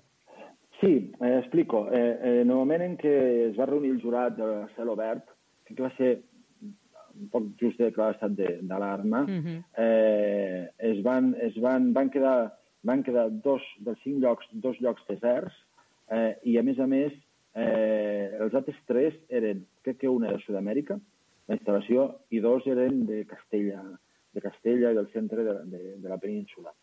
La qual cosa, clar, al declarar l'estat d'alarma vam dir, escolteu-me, eh, una, tenim dos deserts, que això ja ens va fer una mica replantejar-nos que per l'any que ve volem canviar una mica les bases de l'organització de Cel Obert eh, per tal de reenfocar després de set edicions del certamen, però a banda, a banda no, era, no podíem fer portar una instal·lació des de Sud-amèrica aquí en motius del, en, per, per motius que tothom entenem. No? Uh -huh. Per tant, vam optar per fer una mena com d'any de transició, en tant en quant hi haurà una recopilació, una exposició que estava a punt de muntar-se ja eh, una exposició que serà una mica el recull de les 45 intervencions que s'han fet durant els sis anys anteriors al, al, al, a la cel obert. I, a més a més, fer una gran instal·lació d'un dels equips que ha presentat algunes propostes durant anys no, a, a la cel obert, que treballa en, en, en neoprenos i treballa en, en terres asfàltiques, i és una gran instal·lació, diguéssim, i van voler agafar la iglesia, antiga iglesia dels Dolors entenent que no és un recinte tancat, que és un recinte obert i que pot ser una gran instal·lació penjada al voltant del que són les, les voltes de les capelles que queden en peu. I era una mica aquesta voluntat no, de, de fer aquest any de transició. I això anava acompanyat també eh, d'un concert d'inaugural en el qual mos, mos, mos donava peu a poder pues, bueno, pues, pues, eh, cridar a la ciutadania que vinguessin a fer aquesta mena de, de, de visita en aquest saló obert especial i, i, i de transició, com he dit, cara que l'any que ve poguessin fer un certament en el marc de la capital de la cultura catalana amb més potència, si cap encara, i potser amb més, amb més espais. No? Recordem també que també hi ha eh, artistes convidats eh, de la xarxa transversal que en els darrers anys el que han fet ha sigut intervindre a Jesús, al poble de Jesús, eh, i que allí també hi ha una altra instal·lació que aquest tampoc se farà. Per tant, ens centrarem només en, en la iglesia, antiga iglesia dels Dolors i el Museu de Tortosa per a veure l'exposició. És una mica el tema. Això ho traslladarem a altres moments, potser, ja dic, potser en el marc de les nits dels museus o en algun altres tipus, però la garantia que hem donat als artistes, evidentment, a l'equip d'arquitectes de, de Madrid és que realment podran fer la seva instal·lació eh, a Tortosa tal com estava previst. Mm -hmm. Doncs eh, tant de bo pugui ser quan abans millor, després de que s'aixequin aquestes mesures que ara són més restrictives a la capital del Baix Ebre. Vostè parlava de la cultura catalana, de la capitalitat de la cultura catalana, ho hem dit a l'inici. Sens dubte, Tortosa té un dels reptes més importants en l'àmbit cultural, que és aquesta capitalitat que ostentarà l'any que ve. Primer expliquem què és i després entrem una mica en tots els reptes que es presenten, també marcades per aquestes circumstàncies tan estranyes que estem vivint. Què és? Què significa ser capital de la cultura la, catalana? Capital de cultura catalana és un certamen que ja crec que fa 18 anys, eh, fa 18 anys de la seva creació, eh, que el que fa és posar en valor una ciutat de Catalunya com a centre, diguéssim, de lo que és la cultura catalana al nostre país i, per tant, en aquest sentit, el que fa és organitzar una sèrie d'actes i aconteixements i donar, que diguéssim, com una mena de notorietat, no? notorietat a la ciutat que organitza, en el sentit de que no només eh, la ciutat ha d'organitzar actes, sinó que aquells actes que habitualment poden ser a Catalunya, ara vaig a dir-li, per exemple, un exemple, no? Eh, eh, la, la, la, la, la reunió, l'assemblea eh, de la secció filològica de l'Institut d'Estudis Catalans. Pues ja estem parlant amb el senyor Pradilla per a que vingui a a Tortosa o bé eh, temes com eh, la premsa comarcal, no? Pues han de fer una junta i vindran a Tortosa. O aquella exposició del Col·legi d'Arquitectes que va sobre els arxius i que va per, itinerant per tota Catalunya i que des del Col·legi d'Arquitectes ja estem fent gestions per tal que pugui vindre a Tortosa. O sigui, no només és mm, eh, organitzar actes per centrar la capitalitat, diguéssim, perquè Tortosa sigui el referent cultural a Catalunya, sinó que venen actes, organitzen actes diguéssim, que es fan arreu, no? i que, per tant, Tortosa els acollirà durant, durant tot l'any. Durant tot l'any, de l'1 de gener al 31 de, no estrictament així, de 9 de desembre, el que es fa és organitzar aquells aconteixements. I, evidentment, vol dir també que aquells programacions estables, aquells actes que es fan, aquella, aquella sala oberta que acabem de parlar, aquella mostra de jazz, tot, tot, tot està sota un embolcall, un paraigües que fa referència a la capital de la cultura catalana. I, per tant, en aquest sentit, tot anirà al voltant d'aquesta capitalitat. Però, sobretot, és una eina de promoció cultural. I, com estic dient jo aquests dies, eh, i s'ha demostrat aquest estiu en tot el que han fet a, a Tortosa aquest estiu, la cultura va molt més enllà del que sigui el fet cultural estrictament com a acte representatiu, sinó que la cultura està adquirint, i en aquests temps de Covid ho hem vist, un caràcter encara molt més socioeconòmic, no? en el sentit de que és crea no? economia, eh, crea desenvolupament econòmic al voltant no? del fet cultural. I és jo que penso que hem d'aprofitar per a Tortosa. Tortosa ha d'aprofitar, i per això, com vostè diu, és un repte important, no? és un repte que ha de posar en valor tots aquells aspectes turístics de promoció econòmica que tenim a la, a la ciutat. I això serà gràcies a un fet cultural. Jo penso que és la línia que hem de treballar a Tortosa. Tortosa, patrimoni, cultura, turisme i promoció econòmica han d'anar lligats de la mà per tal de que eh, situar-la com dia aquests dies, quan vam constituir el comitè, que Tortosa va ser, eh, torna a ser el centre com l'any 97, l'any 77, perdó, en què Tortosa va ser la, el seu del Congrés de Cultura Catalana de tot l'art mediterrani, no? Uh -huh. I estem aquí parlant de que poguéssim ser este nus, no?, este no és com dia, com dia d'espuig, no? Tortosa està equidistant a, a les quatre capitals de la corona, no? València, Barcelona, Saragossa i Mallorca, doncs tornéssim a ser este nus de cultures, este nus de terra de terra d'entre de, de, de, de, territoris, entre Catalunya, Aragó eh, i València, en què aquí tenim una peculiaritat i que les Terres de l'Ebre, com tothom sabem, són terra de mescolança i és aquí on jo penso que tenim el nostre valor a ensenyar. Evidentment, evidentment, això passa perquè poguessin fer les activitats, com vostè m'ho havia dit, però jo penso que el repte és una oportunitat. És oportunitat de que per sortir d'aquesta crisi econòmica, social i, evidentment, sanitària que, que, que ens afecta, poguéssim eh, utilitzar i poguéssim l'oportunitat de la capital cultural catalana sigui un revulsiu per tal de que la ciutadania percebia com a algo molt seu i que el sector turístic, comercial i emprenedor de la ciutat eh, pugui també aprofitar per tal de eh, d'aixecar i reactivar a, a, a la ciutat després o durant aquesta, aquesta pandèmia. A ningú se l'escapa que aquest estiu les Terres del Tortosa han mantingut un gran nivell d'afluència de, de, de turisme interior, mm -hmm. de turisme de casa, i que jo penso que és el que hem de continuar fent durant els propers mesos i durant l'any que ve per tal de que eh, vingui la gent a Tortosa. Eh, evidentment, ara estem en aquesta situació aquests dies, però Tortosa avui en dia, eh, amb cultura segura que diem nosaltres, és una ciutat segura en tant en quant mantinguéssim les mesures de, de neteja, higiene, distància i mascareta, no? Jo penso que és el que hem de fer i així, d'aquesta manera, poder ser revulsiu. Eh, jo penso que hem d'aprofitar, sobretot també, perquè realment poguéssim fer una, una celebració de la Capital de la Cultura Catalana on reflexionéssim sobre quins són els nostres potencials a nivell culturals i patrimonials i a la vegada quines són les nostres, diguem-ne, febleses, mancances, per posar-le remei i, per tant, al final de la Capital de la Cultura Catalana tinguéssim una diagnosi també, no?, a banda de, de, de disfrutar dels aconteixements, activitats que es facin, però també poder posar eh, damunt la taula eh, com una mena de pla d'acció cultural per als propers 10-15 anys. Jo penso que aquest seria el, és el gran repte que tenim al davant i penso que aconseguirem. Mm -hmm. Com dèiem, ja s'ha constituït aquesta setmana passada la comissió organitzadora que inclou, a més, un comitè assessor de tècnics, d'experts en cadascuna de, de, en cadascun dels àmbits eh, de la cultura. Expliqui'ns una mica com s'ha eh, com s'ha constituït aquesta comissió, qui en forma part a grans trets i, sí. i per què en formen part? Per què se'ls ha escollit? Sí, sí mira, eh, evidentment, Eh, tot això estava previst fer-ho, evidentment, al mes de març.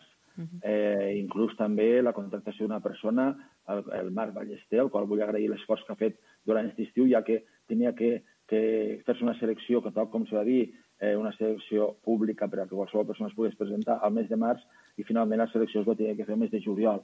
Per tant, aquí l'agraïment al Marc en tant en quant, com a comissionat de Capital Cultura Catalana, des de l'agost que es va contractar fins ara, hem treballat quasi de contrarrellotge per poder anar tirant endavant tota aquesta sèrie de propostes i aquest document marc que nosaltres vam presentar el divendres, dia 2, a, a la, a, als membres de, de la comissió organitzadora, de la qual informem, per com vostè ha dit, una sèrie d'experts, al voltant de 25 experts, que el que fan és cada un assessorar-nos o aportar en, en els seus àmbits, des de l'àmbit de la literatura, les arts plàstiques, l'escola d'art, eh, des de la música, la música popular, dolçainers, tota mena de, eh, diguéssim, de persones de la ciutat, homes i dones, que el que estan és implicats en les seues, en les seues cada una àrees, eh, diguéssim, que, en el qual no són, diguéssim, experts. No? I en aquest sentit, eh, el Capital de Cultura Catalana, la comissió, en formen part, evidentment, president per l'alcaldessa, el regidor que ens de Cultura, un representant de cada partit polític. Així mateix es va acordar, si vostè se'n recorda, quan el 2008 vam acordar fer eh, que apoyar i donar suport a la proposta que en aquell moment es va fer la capital de la cultura catalana, dos regidors, un de promoció econòmica i l'altre de festes i aquest del renaixement, a més a més de tècnics de la casa, al qual també vull agrair la il·lusió que hem posat, inclús eh, que menciono clarament al, al Joan Carles Prats, que és el que ha dissenyat el logo, un logo mm. que va dissenyar ell calladament fa quasi dos anys i que ara, per tant, ha vist la llum i, i un logo en el que jo penso que se, se sent molt identificat el que volem transmetre, el dinamisme que volem transmetre a la Pilar de la Cultura Catalana, i a més a més que, que compten aquest grup d'assessors que el que farem és, a partir d'ara mateix constituït, vam fer un document marc que estem treballant entre tots junts i que constituirem tota una sèrie de grups de treball al voltant, com defineix el, el document marc, de vuit eixos de treball. I els vuit eixos de treball eh, el que han fet ha sigut eh, intentar eh, dir que sota la cultura que vivim, eh, nosaltres hem sigut una mica innovadors, en tant en quant hem posat un subeslògan a la capital de la cultura catalana, Tortosa, capital cultura catalana del 21, la cultura que vivim. Perquè entenem que la cultura és algo, com he dit abans, quotidianament, és algo que vivim dia a dia. La cultura no és, no és res aliè, no és només no és elitista, no, no estem parlant de, de que farem aquella exposició, aquella òpera, aquella actuació eh, de, de, diguéssim d'art contemporani, aquella actuació eh, de, de, de, de, de, de, de dansa contemporània. No, no, no. La cultura és una que vivim quotidianament. I, per exemple, hem dit vuit eixos de treball, no? Mm -hmm. La cultura és la paraula, la cultura és el treball. Quan treballem també estem fent cultura. Per exemple, tenim fires que van relacionades amb el treball, clarament, no? La Fira, la Fira del Rovelló i de la, i de la Pauma del Regués, eh? la Fira Mestràlia de Cambredor, eh? de construcció de, no? d'instruments musicals. Mm -hmm. Per tant, la, la Fira de l'Oli està molt relacionada amb, amb el treball. Per tant, la cultura és treball, la cultura és festa, evidentment, la cultura és creença, és religió, de manifestacions religioses de tot tipus, de tot tipus de creences és cultura. La cultura és menjar, no? Tenim el festàs, la Fira de l'Oli, la, la, la, la, la, la Clementina. Per tant, aquí tenim tot un, tot un gran vessant eh, que, que, que pensem que s'ha de posar en valor. La cultura d'expressió artística, la cultura d'expressió corporal i musical, la cultura és habitar l'espai públic, és espai públic, és habitar l'immedi, és patrimoni, són aquells edificis, és aquelles places, és aquella interrelació entre les persones. I en aquest sentit, aquests vuit eixos de treball són els que ara farem comissions de treball un per un, amb aquests experts, cada una en, en l'àmbit que els hi toca, i, i per tant començarem a treballar. I a la vegada el que hem de fer també és allò que tenim com a estable a la ciutat, és a dir, la programació estable d'auditori, la programació estable del museu, la programació estable de la biblioteca, eh? posar-ho en valor, no? Per exemple, celebrarem els 15 anys no? de la Biblioteca Marcelí Domingo, uh -huh. o celebrarem els 25 anys del Teatre Auditori Felip Pedrell. Però a més a més del Teatre Auditori Felip Pedrell podem fer una cosa eh, que des, de, des dels tècnics programadors ja s'està treballant, que és posar en valor aquells, deixem deixar la redundància, valors tortosins que han marxat fora i estan arreu del món portant el nom de Tortosa. Vol dir que si el Pere Ponce estrena una obra, que si la Belén Fabra estrena una obra, que si l'Anna Hierro, que si el Carlos Martorell, que si el Roberto Olivan, tota aquesta gent que són grans valors joves i alguns ja no tan joves, diguem-ne així, eh, estan fent actuacions, estan fent obres de teatre, estan fent eh, espectacles, puguen vindre a mostrar allò que ells estan fent fora per portar el nom de Tortosa a les Terres de l'Ebre. Qual cosa vol dir, això li deia abans, no? impregnar de capital cultura catalana eh, el que és les relacions estables. A banda d'això, hi haurà projectes solidaris. A banda d'això, hi haurà projectes específicament per a la capital de la cultura catalana. Per exemple, estem treballant en un acte inaugural que anirà molt més enllà d'un acte protocolari, que vol ser un espectacle en si mateix, no? Eh? I estem treballant amb gent del territori, com és la Sílvia de l'Anyó, una persona que és dissenyadora de vestuari, tortosina, i que, i que ha treballat i que ha guanyat Premi Ciutat de Barcelona eh d'instal·lacions efímeres i, de, i tal. Per tant, que està treballant a, a Madrid i a Barcelona en, en produccions diverses. No? Per tant, anem més enllà. No? Projectes transversals, vol dir projectes en, en, en turisme, en festes, eh, eh, eh, projectes específicament per a la capital de la cultura. Eh, hem de fer una cançó. Per tant, hem d'anar treballant tot un calendari al llarg de l'any on realment la capital de la cultura catalana treballa aquests vuit eixos. Però a banda d'això, com vostè molt bé dia, diu, verem què ens permetrà el Covid, Clar. estos vuit eixos, claro, estos vuit eixos tindran els col·loquis de la capital. Hi haurà, com a haver vuit col·loquis, vuit petits congressos, vuit petits diàlegs, on reflexionarem què vol dir la cultura és treball, on reflexionarem què vol dir la, la cultura expressió artística, on reflexionarem sobre quin és l'estat dels, dels, dels nostres equipaments culturals, en quin moment són, i per a dir que he dit abans, no? perquè al final tinguéssim una mena de document, que això sí que es pot fer telemàticament, com vostè i jo estem ara uh -huh. fent aquesta entrevista, i per tant això sí que podem fer-ho.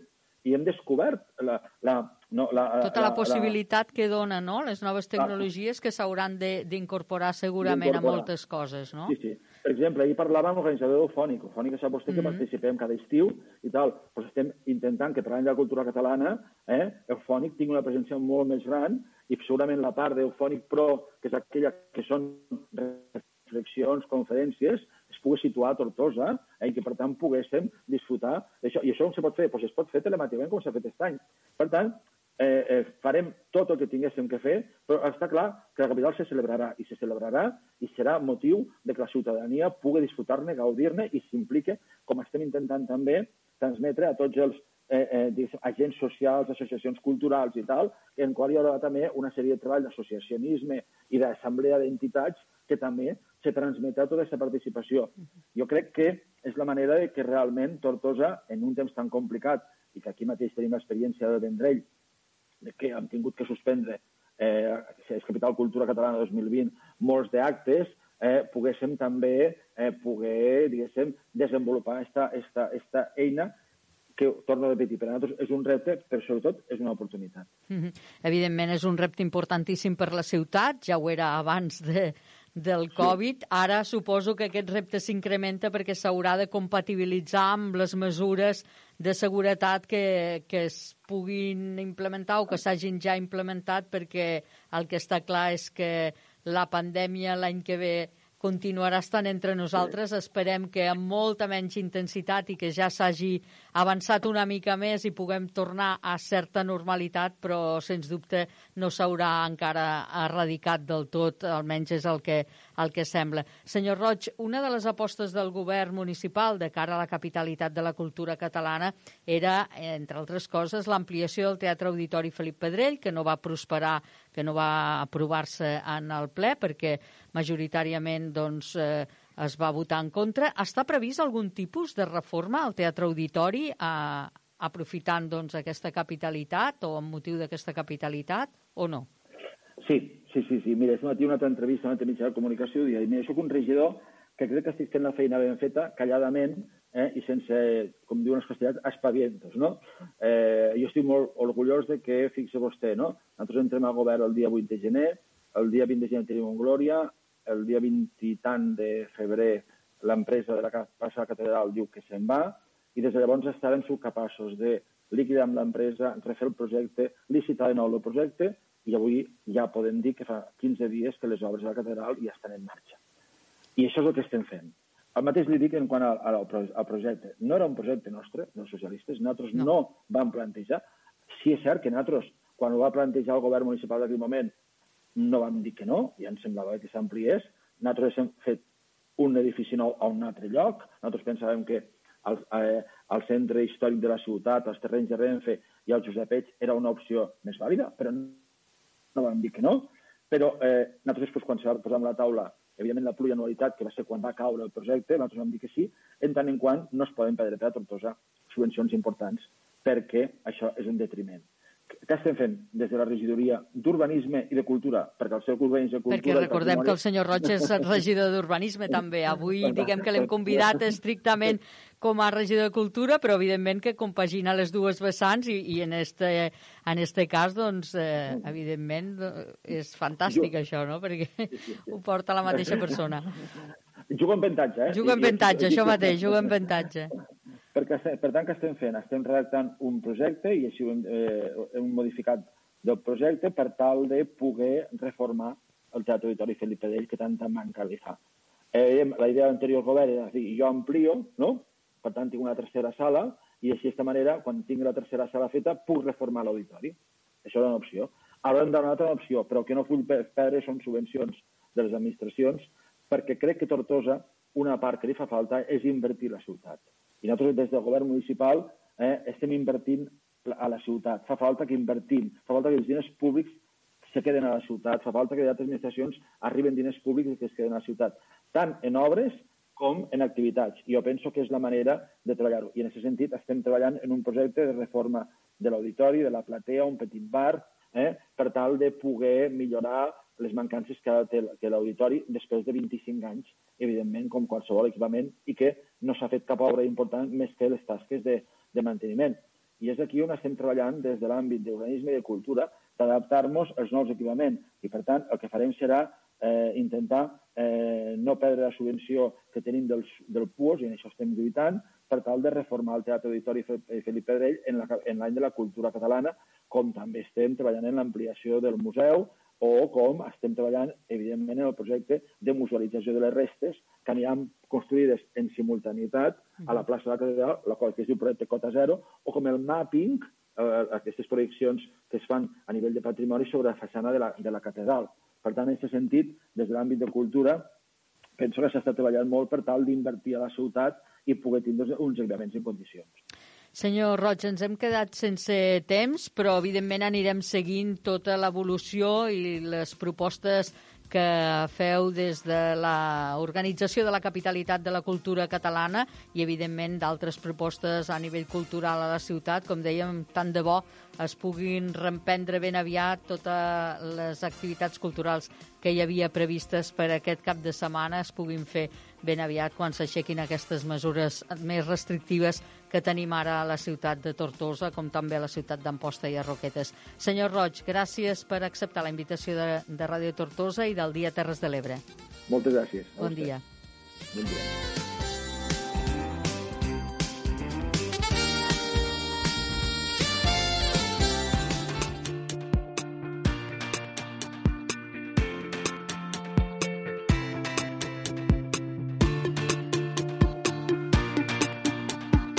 Parlem ara de salut. A l'Aldia Terres de l'Ebre és habitual que el consum d'alcohol i d'altres drogues augmenti entre la població durant les situacions de crisi com la que actualment estem vivint per culpa de la Covid-19. L'inici o l'augment del consum durant esta etapa crítica pot desencadenar en un consum problemàtic o en una addicció. De tot plegat en parla a la secció de salut la companya de Ràdio i Joventut, Júlia Alvesa, amb la directora territorial del projecte Home a les Terres de l'Ebre, Maria Sant Pedro.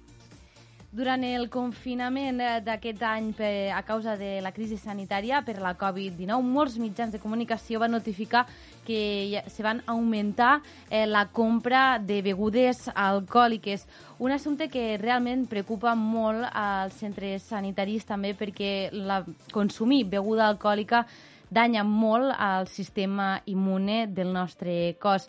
A més a més, també s'ha fet un estudi a la Vall d'Hebron, publicat recentment, que també molta gent ha consumit doncs, eh, substàncies estupefaents a part de, de, de l'alcohol per a poder-se relaxar la gent a casa a causa de l'estrès no? per la crisi sanitària que estem vivint. A l'altra banda de, del nostre telèfon tenim a Maria San Pedro, la directora territorial del projecte Home a les Terres de l'Ebre. Benvinguda, Maria. Benvinguda, gràcies.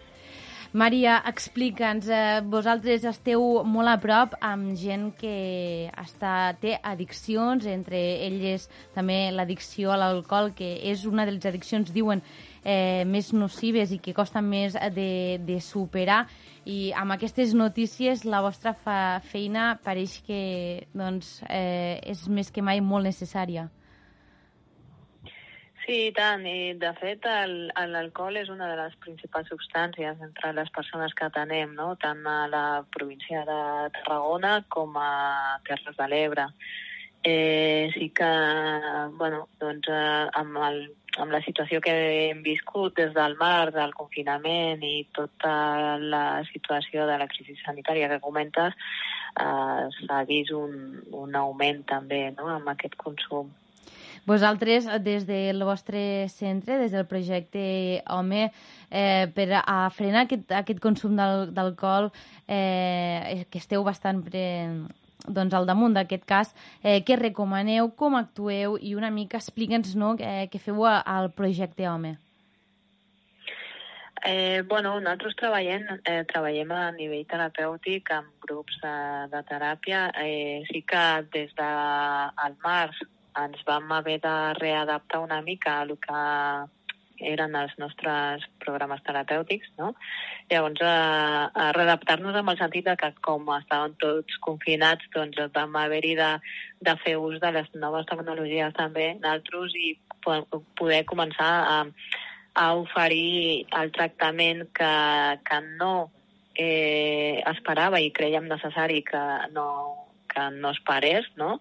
que, sinó que continués, donar-li continuïtat amb, amb, amb la teràpia eh, doncs de manera telemàtica, és a dir, doncs, eh, fem grups d'autoajuda on estan guiats per un terapeuta i que abans del confinament i abans de, de tota la crisi sanitària els feien presencials a, a Terres de l'Ebre, a Tortosa, a, concretament estava, estem tres dies a la setmana i dos són per, per a aquests grups presencials, els vam començar a fer eh, de manera telemàtica. Llavors, eh, també una mica és el fet de treballar sobretot, sobretot el, per poder minimitzar no, els riscos que comporta una, una situació com, com és el confinament, com és, és uh, l'abús d'una substància com és l'alcohol, no? que està molt normalitzada, uh, és uh, poder establir unes rutines eh, saludables, doncs tenir una mateixa hora per aixecar-se, per exemple, poder tenir cura de la higiene personal, respectar els horaris de d'àpats i de feines, no? Si, si les persones que tenen aquesta problemàtica no han perdut eh, la feina i encara estan eh, dins d'un d'un àmbit laboral, doncs responsabilitats no? de continuar amb aquesta eh, aquest horari, tot i que bueno, doncs, eh, hem passat en una situació que moltes vegades teletreballem i no estem treballant de manera presencial, però sí que mantindrà aquests horaris. I sobretot eh, doncs, eh, posar-se objectius, no? objectius que puguin motivar i fer un, un procés de, de canvi personal. Eh, bé, eh, eh, això, això eh, com, com afecta el cos? Perquè molts diuen, també eh, últimament han sortit molt a les notícies, que el consum d'alcohol debilita el sistema immune, ens baixen les defenses, i això és un problema, ja que actualment mm, tothom necessita les defenses eh, al màxim perquè estem en una, una crisi sanitària per la Covid-19. Mm. Clar, pensa que moltes vegades l'alcohol és una de les substàncies que es pensa que, que, que, que que m'alegra, no? Que, que, que dona un, una sensació d'eufòria de, i, i realment l'alcohol és, és un depressor. El, el que fa és que al final eh, la persona pugui entrar en una, en una situació ja emocional i no només físicament, que ha, hi ha molt, molts efectes físics, ja, ja a nivell de, de fetge, a nivell cognitiu, a nivell de, de, de, físicament com eh, fa eh, que aquesta substància eh, afecti el, el cos, no? sinó que a nivell emocional també és un, una substància que, que eh, no eh, que, que el que fa és, és, és de, eh, ser depressora i, i que eh, al final el que porta és a entrar en una situació que, que bueno, doncs, habitualment s'acaba consumint eh, sol, eh, més aïllat, eh, sense un contacte social, no? Com sí que al començament es, es comença per, per un contacte més social, però habitualment tendeix a acabar-se consumint sol. Explica, eh, Fes-nos res eh, ràpidament abans d'acabar l'entrevista, eh, un barem per als nostres oients que ens estiguen escoltant de dir, doncs mira, quan passem de consumir mm, dos copes de vi al dia, hem de començar a parar compte de, del nostre consum d'alcohol. Quin seria el barem per a poder aixecar una mica l'alarma? Bé, bé quan, quan una persona ha de ser conscient de, de si ja eh, aquesta substància ja mm, passa a tenir mm, una, un protagonisme més elevat eh, a la seva vida, eh, ja, mm, ja hauríem de començar a posar eh, una mica... Eh, a parar atenció, bàsicament, no? Eh, sí que es es va, eh, es va valorar amb, amb, amb, amb la finalitat d'unificar criteris no? a l'hora de calcular el consum. Eh, hi ha una unitat de beguda estàndard que es diu UV no? i que bueno, doncs això va, va dient més o menys quantes, eh, si passes d'una un, UV, dos, dos UVs, que ara mm, eh, que té relació amb segons quin eh, consum sigui d'alcohol, ¿vale? eh, doncs això et va donant una mica més d'informació. Eh, jo, la, la, la veritat és que el, el fet de que quan eh, una persona comença a donar-se compte que ja només aixecar-se o ja cada dia necessita algun eh, consum d'alcohol, crec que, que bueno, doncs hauria de valorar, no? que tot i que, perquè moltes vegades eh, el que ens dona el, el, el símptoma de que hi ha alguna cosa que està passant és quan s'està acabant de desestructurar tot, no? Però abans hi ha molta, moltes passes, no? És a dir, eh, quan ja la persona pot començar a ser conscient que necessita una cervesa cada dia o que sense un consum d'alcohol no és capaç de relacionar-se amb les seves amistats i això és cada dia, és un continu, llavors eh, crec que, que és moment de parar-se a pensar i vale, què hi ha darrere d'aquest consum o d'aquest ús, no? Eh, l'ús de l'alcohol, com, com hem dit... De, de l'ús, un ús raonable, i, i, i, de, i de l'abús, no? Llavors, quan passa de l'ús a l'abús o de que hi ha un, un augment considerable amb, el consum, s'ha de parar una mica d'atenció amb això. Doncs fem una crida a tots els nostres oients que estan notant aquesta, que el projecte Home eh, us poden ajudar, us poden atendre a la seva pàgina web, projecte, només cal que busqueu al cercador Projecte Home Terres de l'Ebre, trobareu el telèfon de contacte i us podeu ficar en contacte amb ells per poder-vos també acompanyar a desintoxicar-vos o ajudar a dependre a no dependre d'aquesta substància. Moltes gràcies, Maria San Pedro, directora territorial de Projecte Home a les Terres de l'Ebre, Se'ns esgota el temps, però moltes gràcies per estar aquí amb nosaltres i per uh, aprofundir no, una mica més en aquesta addicció de l'alcohol que és la més normalitzada a la nostra societat. Moltes gràcies a vosaltres per donar-nos donar, -nos, una mica de veu. I nosaltres ara ràpidament ens ocupem de l'espai TIC. Avui des de la Plana Ràdio ens parlen d'una aplicació molt coneguda, sobretot entre la gent jove, el TikTok. Avui anem a parlar d'una de les eh, xarxes socials, podríem dir, que els joves més estan utilitzant actualment. És a dir, si algun jove els hi parles de, del Facebook o els hi parles d'Instagram, segurament que per a ells això ja ha passat a la història, o de Twitter. Ells, la xarxa social que més utilitzen és la de TikTok, especialment els joves menors de 20 anys. Eh, TikTok és una xarxa social que té eh, 800 milions d'usuaris a tot el món.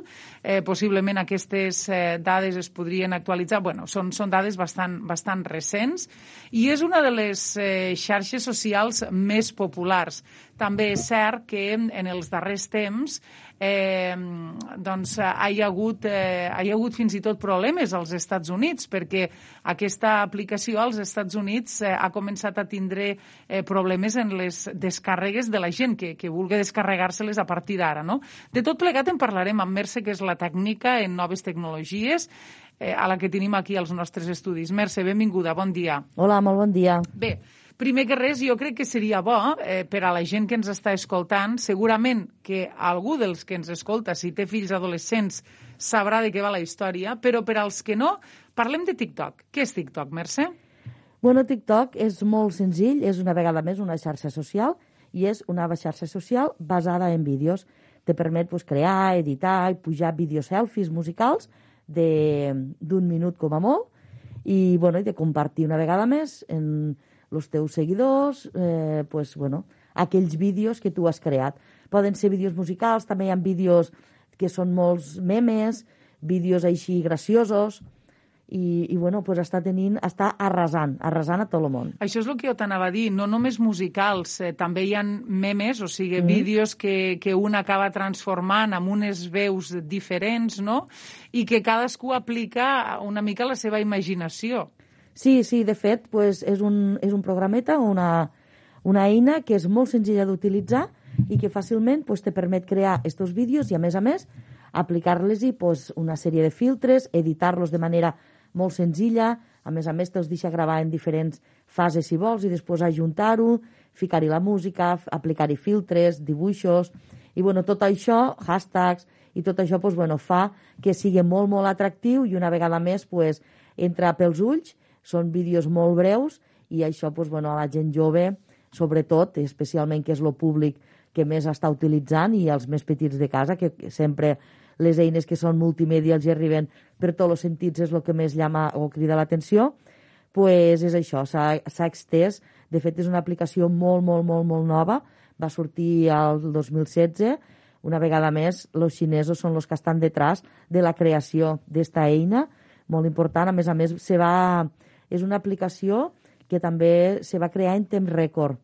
Vale? En molt poc temps se va ser creada i bueno, en un principi sí que tots recordarem lo musicali que hi havia en su dia, van una mica voler compaginar la vida de musicali en TikTok, però finalment pues, ho van fusionar i ha sigut en este, lo 2019 i este 2020 que ha tingut la, el seu llançament a nivell mundial i que, bueno, que avui en dia tothom sap o ha sentit, com a mínim, dir fem un TikTok o, o has vist el TikTok.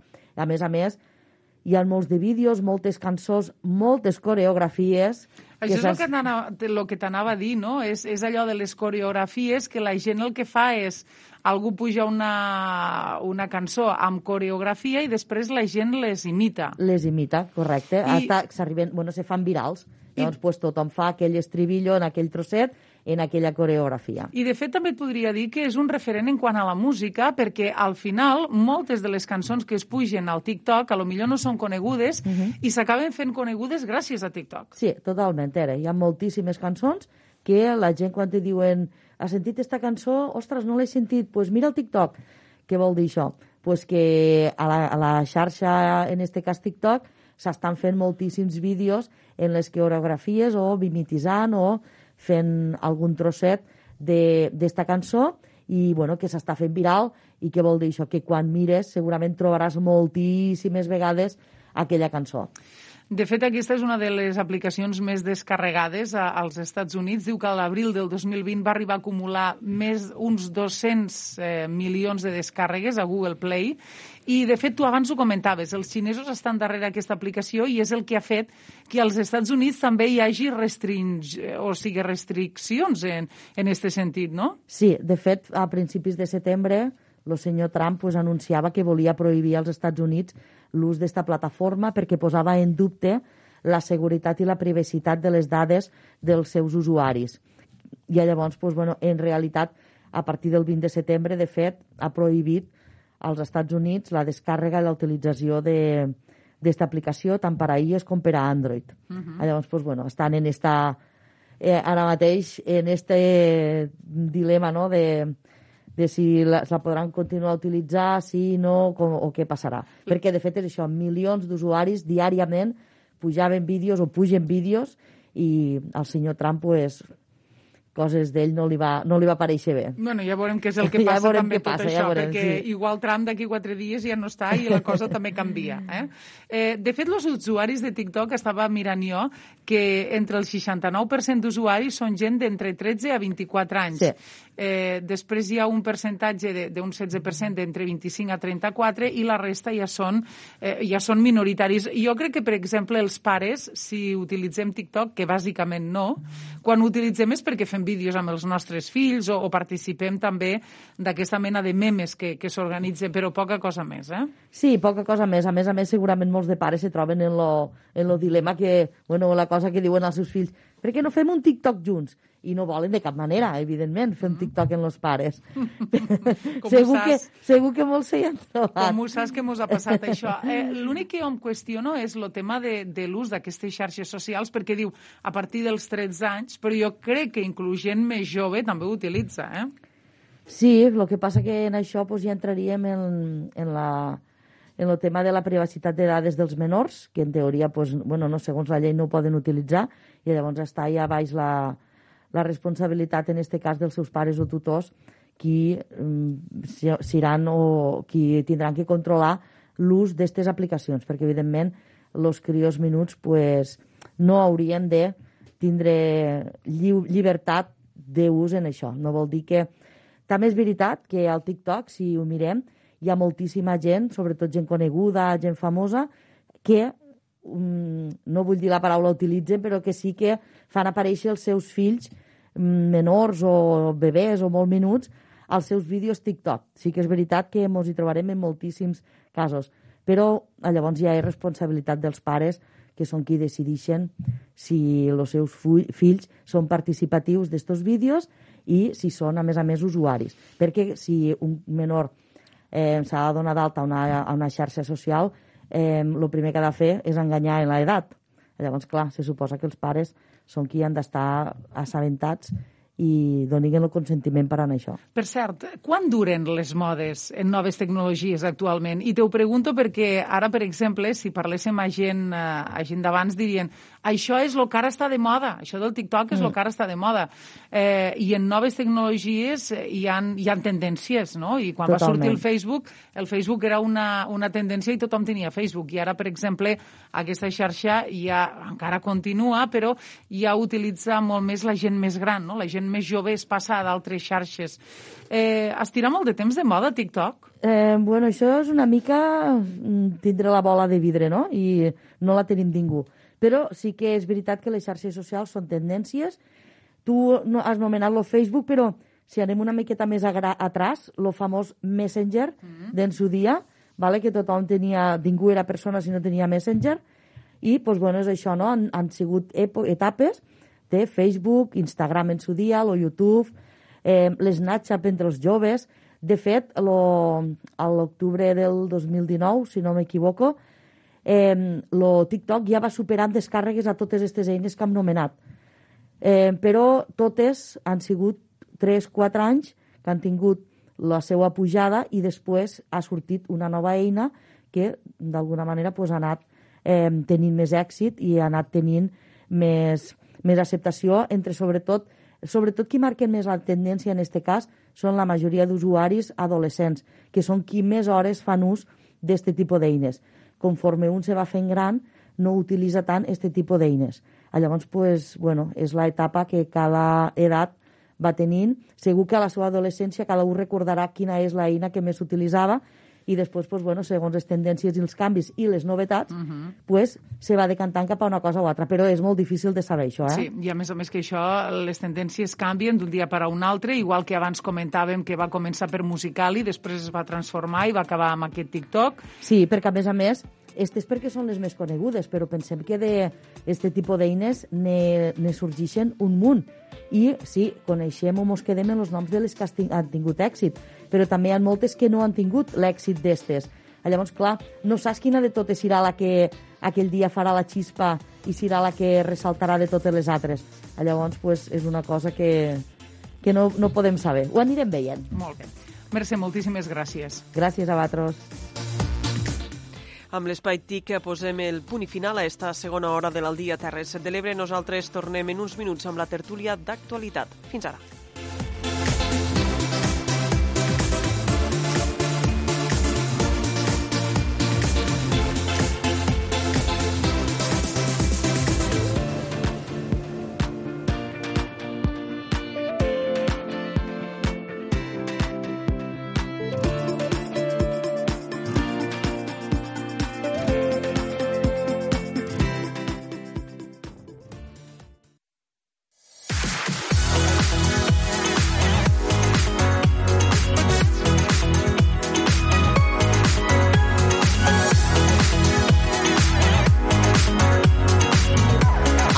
Dia Terres de l'Ebre, amb Leonor Bertomeu. 3 de la tarda i 4 minuts. Benvinguts, ben trobats a l'Aldia Terres de l'Ebre. Comencem aquí la tercera i última hora del programa d'avui dimecres 7 d'octubre. Com saben, els acompanyarem fins al punt de les 4 de la tarda, avui amb la tertúlia d'actualitat. Ja saben que ens poden seguir a través de Ràdio Tortosa, Amposta Ràdio, Ràdio Delta, La Cala Ràdio, La Plana Ràdio, Ràdio Joventut i Ràdio Mora la Nova. Dit això, comencem ja amb la tertúlia del dia.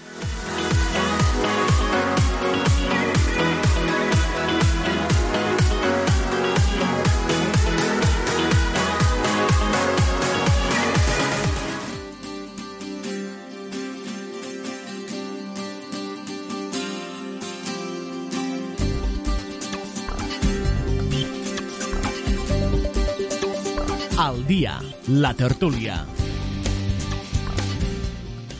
Avui a la tertúlia tenim a tres dels nostres tertulians habituals. Eh, Per una banda tenim a Alicia Gamundi, mestra de vocació i jubilada també, i membre de l'Associació de Dones Emprenedores i Empresàries de les Terres de l'Ebre. Alicia, bona tarda. No t'hem escoltat perquè tens el micro mutejat, però després eh, ens saludarem. Bona tarda, perdó. Ara sí, Alicia. També tenim a Josep Caçador, activista de Trens Dignes i també sindicalista, exsindicalista. No, no, suposo que això no, no es perd mai, no? Josep, bona tarda. Bona tarda. I via telefònica tenim a Tomàs Margalef, ell és exsecretari de la Confraria de Pescadors de la Mella de Mar i director del grup escènic de la Societat Cultural i Recreativa de la Mella. Tomàs, bona tarda. Bona tarda. I ben trobat a la tertúlia, que ara feia dies que no podien comptar eh, amb la teva opinió.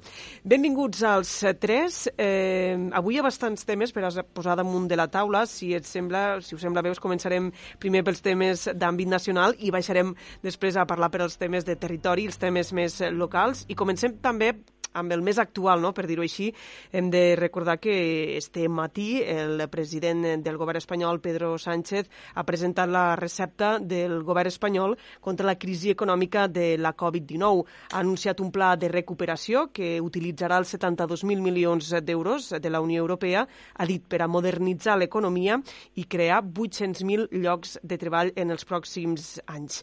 Si més no, sembla que la recepta és molt diferent a la de, que es va aplicar l'any 2008. Josep, va, com a sindicalista, com a exsindicalista, com ho veus? Com ho veig, no? A veure, no té res en absolut que veure. És, és més, és un canvi de 180 graus en quant a la direcció. No, i, I no solament a nivell del govern de l'Estat, sinó també a nivell del govern d'Europa, de Uh -huh. que en, en aquell moment, vamos, si no va poder afonar-nos més ja és perquè no, no, ja, no mos vam deixar. O, No hi haurà o- de negre, no, sembla? Eh, eh? Sembla que no hi haurà nomes de negre. Claro, no, no, no, el problema és si hi ha homes de negre, negre el problema són les directrius. Uh -huh. I en funció de les directrius hi ha homes de negre o no, O no hi ha. homes de negre. Eh, és molt important, però és molt important perquè estem parlant del 2 i pico per cent, del 2 i mig per cent pràcticament anual del producte interior brut. És dir, és una, permeteu-me l'expressió, una borrada de diners. Ara, el tema està en si sabrem fer realment el que se mos demana. Jo crec que les directrius que s'estan plantejant de cara al futur per modernitzar de veritat d'una vegada l'economia del país, del, de l'Estat i de Catalunya, perquè també ens toca, eh, a veure si és veritat que va amb este camí. Perquè el 2008, amb lo que l'únic que es va fer va ser la reforma laboral, que el que va fer realment va ser tornar a donar aire al mateix model econòmic que ens havia portat la situació a lo que és l'Estat. És més, baixades de salari, eh, despido de personal, i déu nhi Ara, per una banda, ha hagut tota la política social del govern, que entenc que és molt diferent, i va, ja dic, va en sentit contrari, amb totes les seues dificultats i amb totes les seues deficiències, però que fonamentalment i en gran manera ha salvat, està salvant molts llocs de treball. Ja veurem si les empreses juguen o no juguen. I per altra banda, el tema de la Unió Europea, estem parlant de, no només de préstecs, eh? estem parlant que el 60% és a fons perdut. I això és importantíssim. Més que a fons perdut, és compartit, el deute és compartit en tots els països, mutualitzat. Això no havia passat mai a la Comunitat Econòmica Europea, mai de la vida.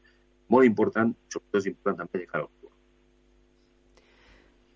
Alicia Tomàs? Bueno, jo, jo estic d'acord en tot el que ha dit. Vull dir, a veure, i si, i si es refereixen als eixos fonamentals que han dit de, de, de transició ecològica, que veritablement sigui veritat, de, de cohesió social, sobretot eh, de pujar l'eslabó de eh, societat que tenim que avui en dia estem tocant cada dia més la pobresa i l'estem tocant al costat de casa.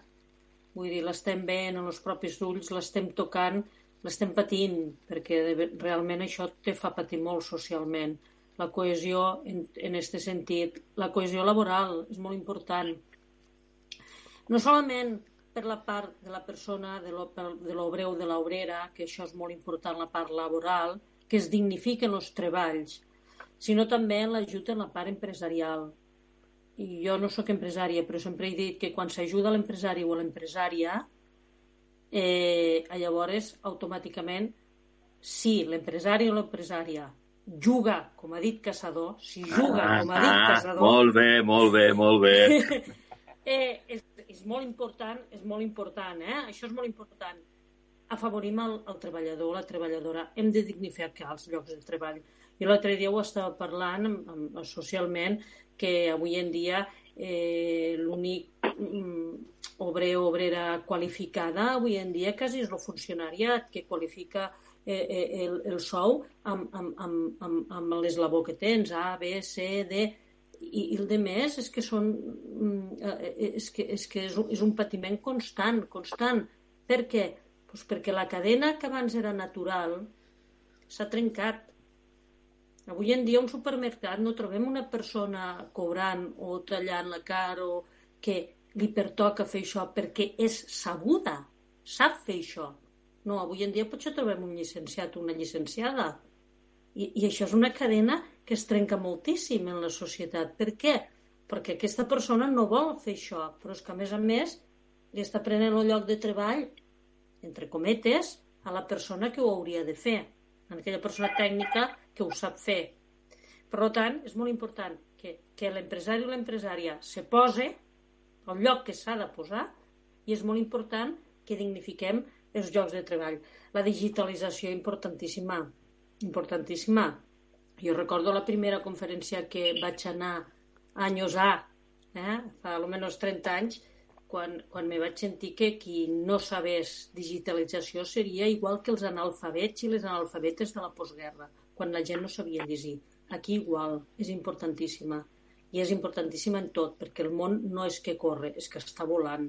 Ho necessiten les empreses, necessita educació, necessita tot. I la igualtat de gènere, que voleu que us digui això, tan important que se, que se, que se invertisca en polítiques de gènere, eh, és tan important que s'invertisca en polítiques educatives de gènere, és tan molt, molt, molt, molt important perquè tinguéssim una, una societat, a mi no m'agrada dir igualtat, m'agrada dir una societat equitativa, en què homes i dones són equitatius i tenen eh, d'alguna manera le, les mateixes les mateixes oportunitats.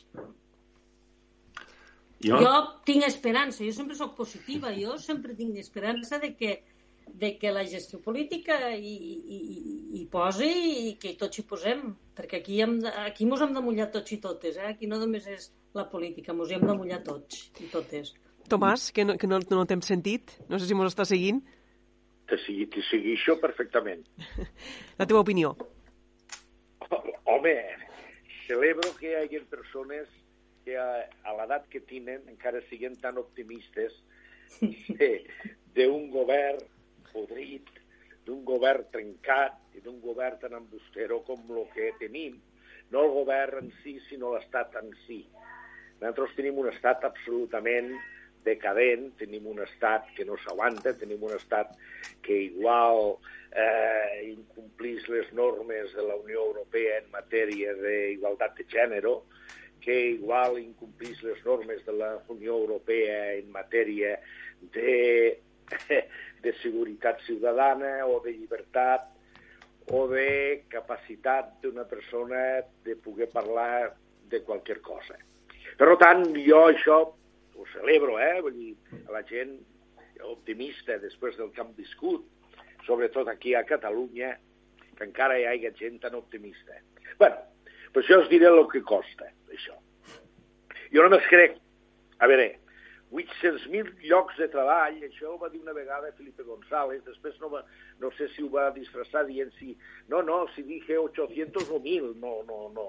Això ja, ho va, fa, ja fa temps que val, dels 800.000 puestos de treball.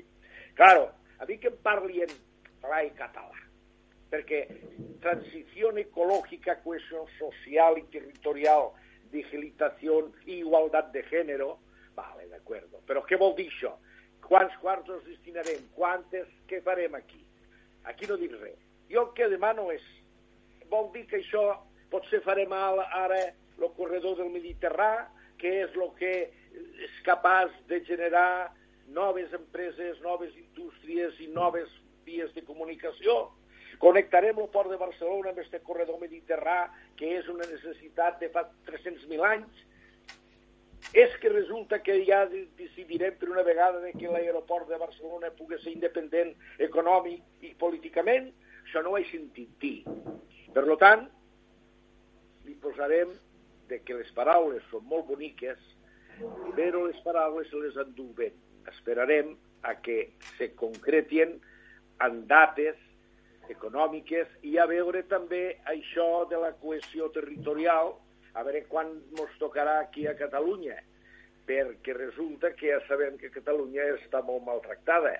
A veure, lo de Nissan ha marxat, ja sabem per què, perquè resulta que no hi van haver les inversions eh, estatals necessàries. La Renfe no arriba a, a Barcelona en retard perquè han retrasat els horaris.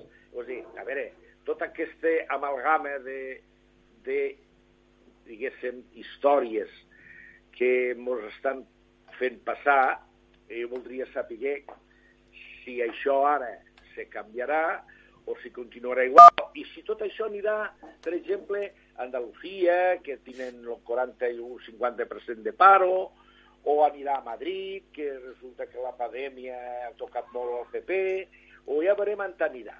És a dir, que jo de moment poso dos quartos a, dos quartes a Barlovento. Bueno, jo, jo, també, jo també ho deixo en stand-by, eh? En això estic d'acord el que dius, eh, Tomàs, jo ho deixo en stand-by, però jo tinc l'esperança i confio de que les coses, a veure, en el que s'ha patit se facin bé. Eh, també poso el punt i a part en com mos estan tractant a Catalunya. No d'ara, de sempre, com mos estan tractant. També perquè les coses haurien d'anar d'una altra manera molt diferent econòmica i políticament. Però, bueno, deixem un punt d'esperança, perquè si no ja no tenim res, eh? Continuarem parlant. No, a veure, jo res, a veure, simplement, jo puc entendre. No t'escoltem bé, Josep, no sé si... Ah. Ara, ara sí. Ara sí? Sí. Bueno, anem a veure. Mm, estem parlant de, de 140.000 milions d'euros en 6 anys, dels quals, més o menys, eh, 75.000 els propers 3 anys, que són els diners que avui, avui eh, més o menys, els quatre línies importants, que s'emplearien. A veure, mm, de moment, independentment d'estos diners, per el tema de la Covid eh, i per ajuda, se van repartir entre les comunitats autònomes 16.000 milions d'euros a fons perdut, dels quals, i va ser bàsicament va ser en funció del, dels habitants de cada lloc, n'hi van tocar 1.400 a Catalunya. Eh, no sabem en què els estan empleant. Almenys no ho diuen. No vol dir que no els estiguin empleant. No ho diuen. Només van dir que en ares de la, de la transparència d'estos diners que tenien que ser per la Covid se'n faran servir 15 milions, que és sèrie, però són 15 milions, per a la... donar-li a TV3 Mm, perquè en lo de la Covid havia tingut pèrdues d'audiència o de... no, perdó, d'audiència, de, de publicitat i perillava el Polònia i coses d'estes. Mm, no és l'únic lloc que ha fet això, és dir, a nivell d'estat se n'hi ha donat a les grans cadenes també de diners, eh? no, no, no ha sigut l'únic puesto. Però bueno, mm, aquí hi ha 1.400 milions d'euros, hi ha 1.400 milions d'euros que no són d'estos 25.000 de que toquen ara i dels altres 25.000 del segon any i dels altres 25.000 del tercer any que tindran que fer que tindran que fer en funció dels projectes. En funció de projectes que modernitzin l'economia. Perquè, mireu, no sé què passarà aquí a les Terres de l'Ebre, però si no hi ha algun canvi, seguirem tenint un model productiu basat en mà d'obra intensiva, barata i sense formar. Barata i sense formar. Que és per això, i això fa en molts llocs, de l'estat espanyol i de Catalunya. Que per això ens trobem en la situació de lo que dia l'Araceli, de que ens podem trobar algú eh, tallant i netejant peix i servint-nos peix que tingui una, no només llicenciatura, llicenciatura, màster i doctorat, si descuida. Vale? Què passa?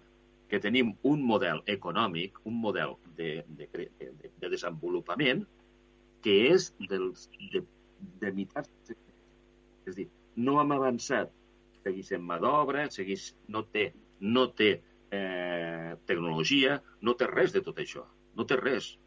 Penseu una cosa, les Terres de l'Ebre, quan va tancar la LEA, i, i jo me'n recordo perquè, perquè hi estava, eh, perquè estàvem allí barallant-nos, vam negociar amb el govern de Catalunya eh, tirar endavant un projecte de, eh, de digitalització de les Terres de l'Ebre, que tenia que ser per tota Catalunya, però al final només va ser les Terres de l'Ebre, de 40 milions d'euros, que va firmar Ediapro, i es tenia que cablejar de fibra totes les Terres de l'Ebre. Ara, a dos dies, No et sentim bé, Josep, si, no, si te veus tant no, no et sentim bé. dic, dic ara, enmig de la pandèmia, quan se van donar compte que la gent pels pobles no tenia ni... Hi havia llocs que encara no els hi funciona prou bé lo mòbil, se van dedicar, s'han dedicat a cablejar una cosa que es tenia que haver fet fa 10 anys. 10 anys que va ser quan se van comprometre llavors el tripartit. No, dir, no d'això. Després va entrar, del 2010, va entrar el 2011, la següent, i ells va acabar la pel·lícula. Ara, gran meravella, comencen a, a cablejar. Si no està cablejat el territori, no es pot digitalitzar res. I si no es fan les coses, i si no es creen empreses, o els empresaris no creen empreses que funcionin en tecnologia, en, doncs estarem igual que abans. No necessitem llicenciats, no necessitem doctors, no necessitem res de tot això. Això sí, necessitem salaris baixos i poca formació. 25.000 milions per aquest any, 25.000 milions per l'altre, 25.000 milions per l'altre. La comunitat valenciana se dedica, se dedica i ja té prevista tota una planificació per a que d'aquests diners es toquin tirar endavant tot el sistema de mobilitat i transport, sobretot en ferrocarril, perquè tenen indústria del ferrocarril. La comunitat, los del País Basc, volen tirar cap endavant tota la tecnologia de l'hidrogen per a poder tirar endavant no, un nou sistema de fer la, la, tirar endavant l'energia. A Catalunya què hem fet? Algú sap d'algun programa o algo que s'hagi preparat? Perquè ara, no sé si ah, No et sentim, no et sentim. totes, totes les propostes que tenen que presentar ara a l'octubre a eh, Europa.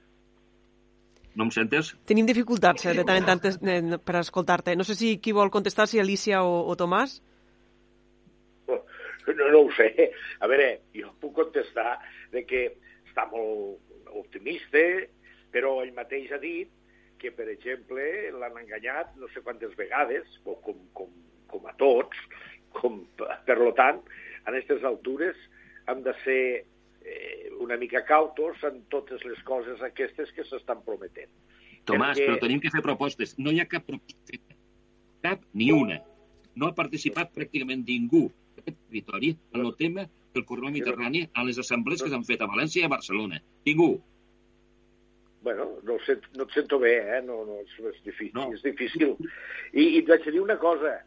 Quan nosaltres estem aquí a les Terres de l'Ebre, crec que ens hem de deixar una mica de la història de, de, del govern de Catalunya i tal. El govern de Catalunya també ens ha oprimit tota la santa puta vida, compreneu?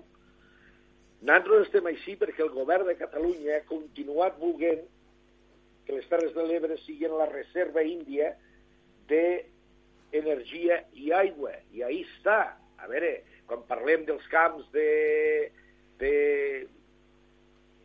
ventiladors que ara han de ficar no sé on, quan parlem de les plaques solars, vosaltres heu sentit dir si a Barcelona, als rededors de Barcelona o a Girona, hi ha algun camp previst de... No, no, no, no, per què? Estan els índios allà, que allí ens hi portarem una indústria que no necessita mà d'obra, que els treballadors els joves que tenim aquí que han de continuar marxant dels nostres pobles i se n'han d'anar pa aquí, pa allà, i aquí... Qui ho decideix, Tomàs, tot això? Eh? Jo, puc estar jo estic d'acord amb tu, però qui ho decideix, això? Qui decideix la política industrial de Catalunya? Pues qui mana, eh? I qui, Qui mana? ha manat, qui ha manat sempre? Pues han manat sempre els mateixos. I, i per què manen sempre els mateixos? Per què manen Pues perquè el món, perquè el món I en vez de queixar-nos amb ells, i en vez de queixar-nos amb ells, mos queixem de Madrid. Només mos queixem No, de Madrid no, no. i no mos queixem d'ells. Per què? Pues queixem, he dit que mos hem de queixar dels dos. Dels dos. Sobretot. Josep, tenim problemes per escoltar-te. Bueno, Sí. moltes. Jo no el sento, eh? No. no sé com feu. Jo, Jo- sí jo que crec a la Lídia sí que la sentiu millor ara? Sí, ara sí. Sí, ara sí. Jo, jo crec que una gran responsabilitat... Una, un, un, El, el govern de la Generalitat no correspon a Madrid. I tot bueno, clar, això, això, això, a veure, jo crec que, que, que aquí la responsabilitat la tenen tots, el govern de Madrid i el govern No, no, perdona, no, no, no. no. I, i fumar, i no, no, fumar no, no. la Això, no em diguis que tots són iguals. Perdona, Som tots iguals. Perdona, Tothom no és i fumar igual. la responsabilitat al govern de Catalunya i deixar eh, mans netes al govern de Madrid en tot el que És que només sento parlar malament del govern de Madrid. Només sento Eh, parlar no, malament no, del no, govern de no, Madrid. no, no, no, no, no, jo, jo estic parlant igual. No, no, no. Estem parlant de l'Estat, No, no, Josep. sí. Estem parlant de l'Estat. Defensar el govern de No Madrid és un govern No, agosarament això tampoc, eh? tremend. Però me'l parlo és que a cada un el que li toca. Josep, Josep. Esteu parlant tots alhora i no estem sentint a ningú. Deixeu parlar, si us sembla, Alicia, que fa rato que no, no l'escoltem. S'enfada perquè estic parlant del govern. No estic parlant del govern, estic parlant de l'Estat. L'Estat podrit d'Espanya, que mania qui mania, no canvia res. Estem en una dictadura jurídico-política i d'aquí no me'n sortim. I resulta que cada vegada estem més centralitzant la indústria, l'economia i tots els recursos i cada vegada estem fent un estat més centralista i menys autonomista. I això és Donem veritat, dades, això crea Tomàs, que crea. Donem dades per què estàs afirmant això. Donem dades, sisplau. Donem dades. Perquè, claro, m'estàs afirmant algo sense dades. Com que no hi ha dades? Home, va, quines coses me dius? No hi ha dades de la, de, de, de, de la podredumbre que hi ha a Espanya? Pues sí, ahir van a mullar la Tamara i la van fotre un any i mig eh, Sí, sí. sense sortir Hi ha de casa. tanta podredumbre a Espanya, el govern de, el, hi ha tanta podredumbre a Espanya com a Catalunya, perquè déu nhi també, eh? que- ja he dit que igual, perquè aquí continua manant l'IBEX Parle, 35. però, I però me, punto. me parleu de coses, me parleu de coses que la decisió se pren a Catalunya, no es pren a nivell d'estat. Sí, però els quartos que mos roba Madrid, mos roba Madrid. A veure, aquí també devem I quan robar. mos dona els que cares, mos roba gastem Madrid, en mos fer roba. Madrid. Los que mos roba Madrid, mos roba Madrid.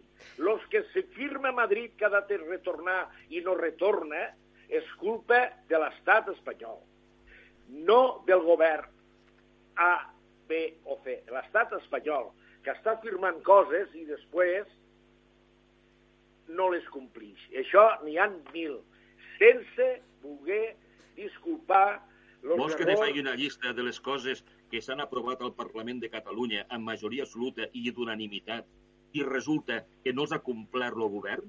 Vols que faci una llista? Perquè n'hi ha més de les que s'han complert. Però, però podria veure. Alicia, fer- eh, deixem parlar- sí, Alicia. Parlem, parlem de cada cosa, de cada cosa que parléssim, parlem de la responsabilitat en què li toca. I si parlem dels diners d'Europa, li toca a l'Estat. I li toca al govern de, de Catalunya reclamar a l'Estat i fer-li un planning de lo que vol. I com pensa implementar estos quatre, estos quatre eixos.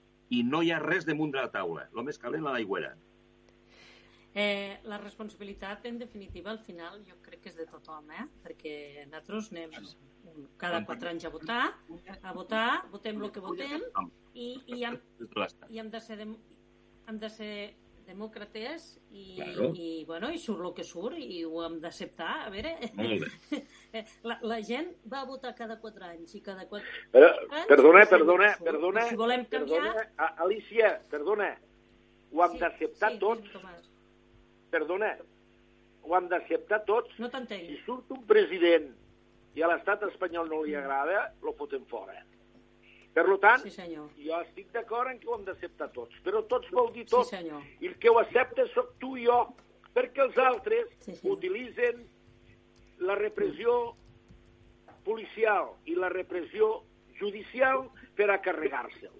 Per tant, de democràcia no n'hi ha. Bueno, però és que no, no m'has deixat acabar, Tomàs. És el que t'anava a dir, que hem de, hem de fer l'acceptació... Perdona, perdona, un besito, un besito. No, no, home, no et preocupes. Eh, L'acceptació democràtica, democràtica és acceptar tothom, tothom, natros i l'estat espanyol, l'estat espanyol, eh, en definitiva, eh, encara que poguéssim pensar el contrari, cada un té les seues ideologies, cadascú pensa d'una manera diferent, està reprimint Catalunya políticament i judicialment, i això està més que comprovat, més que comprovat. a mi diu-me moltes vegades eh, moltes de les coses que, dels casos que estan sortint i no em voldria parlar més de corrupció ni voldria parlar més d'aquestes coses perquè la gent crec que n'està falta. Jo crec que ara és el moment ja de no senyalar-nos tant en lo dit i corregir els errors. I crec que és el moment. I, i, i, i acabo aquesta conversació perquè me, me, me dona ràbia estar tot el dia perdent el temps i perdent les energies parlant de corrupcions i parlant de com és la política. El que hauríem de fer és anar a corregir errors i a fer una nova política completament diferent. Ni portes giratòries, ni corrupcions judicials, ni, ni a acabar. Corregim errors. Els corregim errors i comencem natros des de la ciutadania, perquè en podem fer moltes de coses per a corregir errors.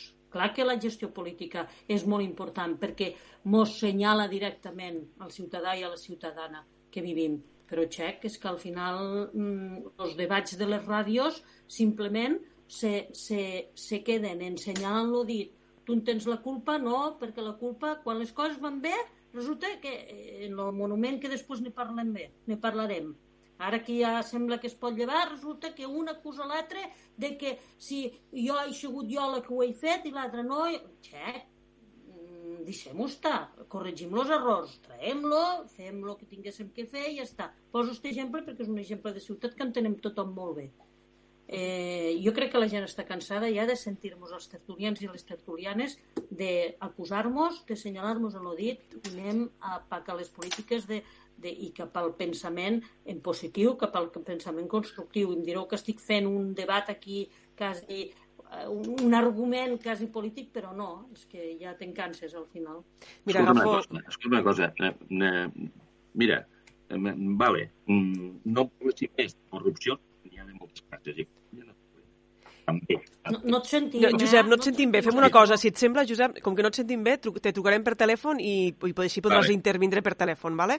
Eh, I jo agafant una mica el fil de, de l'Alicia, si us sembla, deixem de banda este tema i parlem de temes que afecten més al nostre territori i, i ella em feia referència ara mateix al fet doncs, que l'Ajuntament de Tortosa sembla que ha rebut el vistiplau de la Confederació Hidrogràfica de l'Ebre per a descatalogar el monument a la batalla de l'Ebre que es troba al riu Ebre a Tortosa Tortosa i el que significaria que seria el primer pas per a poder-lo traure, enderrocar o el que es decideixi fer amb el monument. No sé com ho veieu, recordem que hi ha una memòria de la llei històrica aprovada a Catalunya que, en teoria, impediria o prohibiria eh, que hi hagués un monument no, a l'espai públic, com és el, el monument a la batalla de l'Ebre, eh, que, que ara mateix pugui estar en peu, i, i encara ho està. No sé com ho veieu.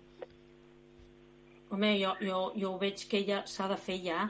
A veure, el, el que quan el mandat de Bel no tenia que fer ni, ni, ni, ni, ni, ni, ni consultes, ni... No es fan consultes per res, resulta que les hem de fer pel monument. És que a mi això no, no m'entra al cap. No, el que hagués tingut que fer ja és traure'l. I la, la gent que el vulgui anar a veure, pues, la... que el posen allí un museet o que en venguen a trossets los ferros i la gent que, que el vulgui, pues, que n'agafa un trosset i se'l guarda a casa però el que no pot ser, el que no pot ser és que tinguéssim esta vergonya al mig del riu. Diu la més fotografiada, això no és veritat, la gent fotografia el paisatge. Potser ara és fotografiada, però fotografiada de manera diferent de la que l'entenem. No perquè sigui bonic, sinó per la vergonya que representa. I el que no pot ser és que hi hagin persones que passen pel pont i tinguen que passar vergonya de veure això. Que el traguen, i ara no mos acuséssim si he sigut jo o he sigut jo o he sigut l'altre o tu, resulta que tu vas escriure però resulta que la meva carta no perquè això és xorrades de perdre el temps i energies.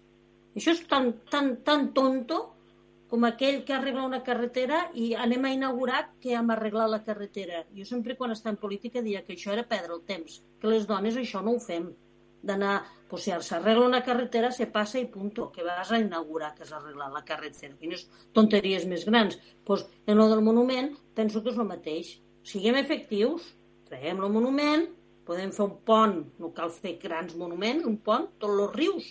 Girona, mireu, sí, com me comparen una capital, però bueno, totes les ciutats que tenen riu tenen molts de passos. El que fan és agilitzar i facilitar a la gent la mobilitat doncs fem un, pas i ja està, una cosa senzilla, tampoc no cal tant. I, I això que la gent a vegades diu ah, ara això no és prioritat, quants de diners mos costarà, no és prioritat, no és prioritat. Mai és prioritat, mai és prioritat. Quan no ens interessa, les coses no són prioritat. Quan ens interessen, sí. Bueno, ja fa temps que s'hagués tingut que fer, doncs fem-ho ja d'una vegada. Bueno, és el que penso jo. Tenim a Josep ja per via telefònica, sí, crec. Sí, me, me, me sentiu bé ara? Sí, ara sí. Sí, sí. Na, ja li heu dit a l'Ajuntament si pensa fer un altre, antes de fer un, un, altre, un altre referèndum o no caldrà esta vegada. perquè, vamos... Espero que no.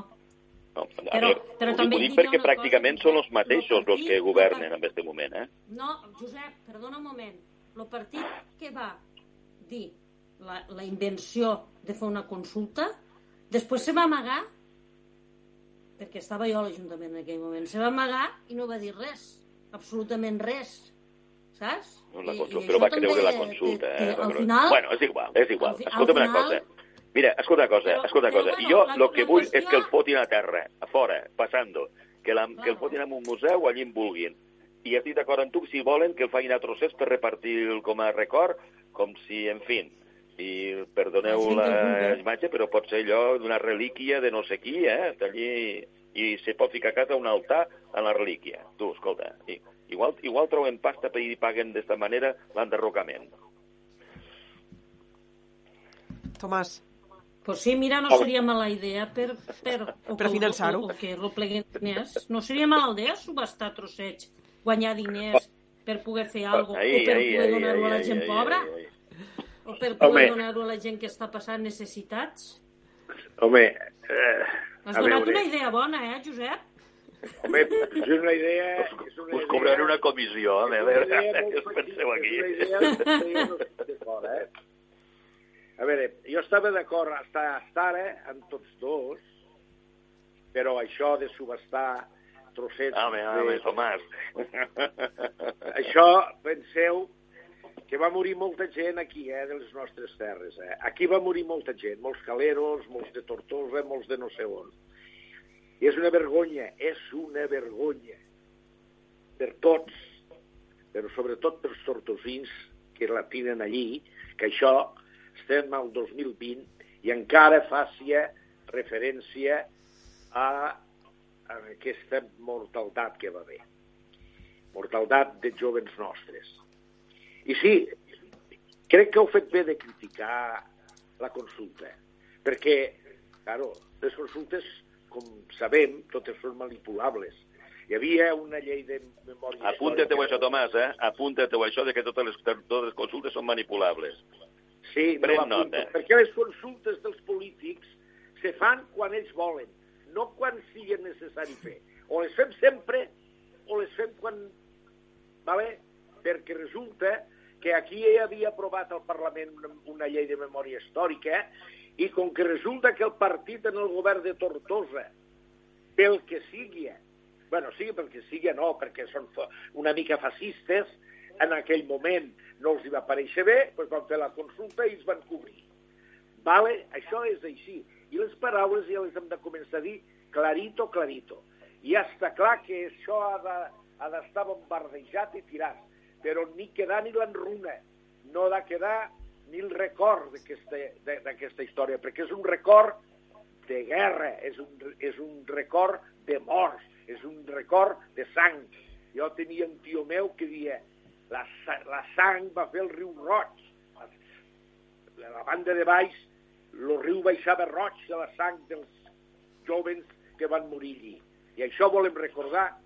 Aneu, aneu. No sé si voleu afegir alguna més, Josep o, o Alicia. Res. Jo no, res. A veure, lo de la... Lo de la Tomàs, lo de la... Soc conscient.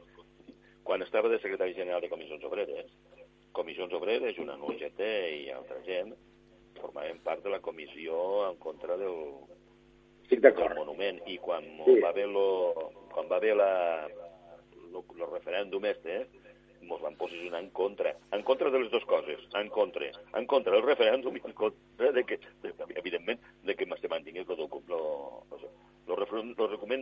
lo, lo, referèndum, no tenia cap sentit a partir de lo que dies tu de la llei de la memòria històrica. No podia existir este, este, este monument.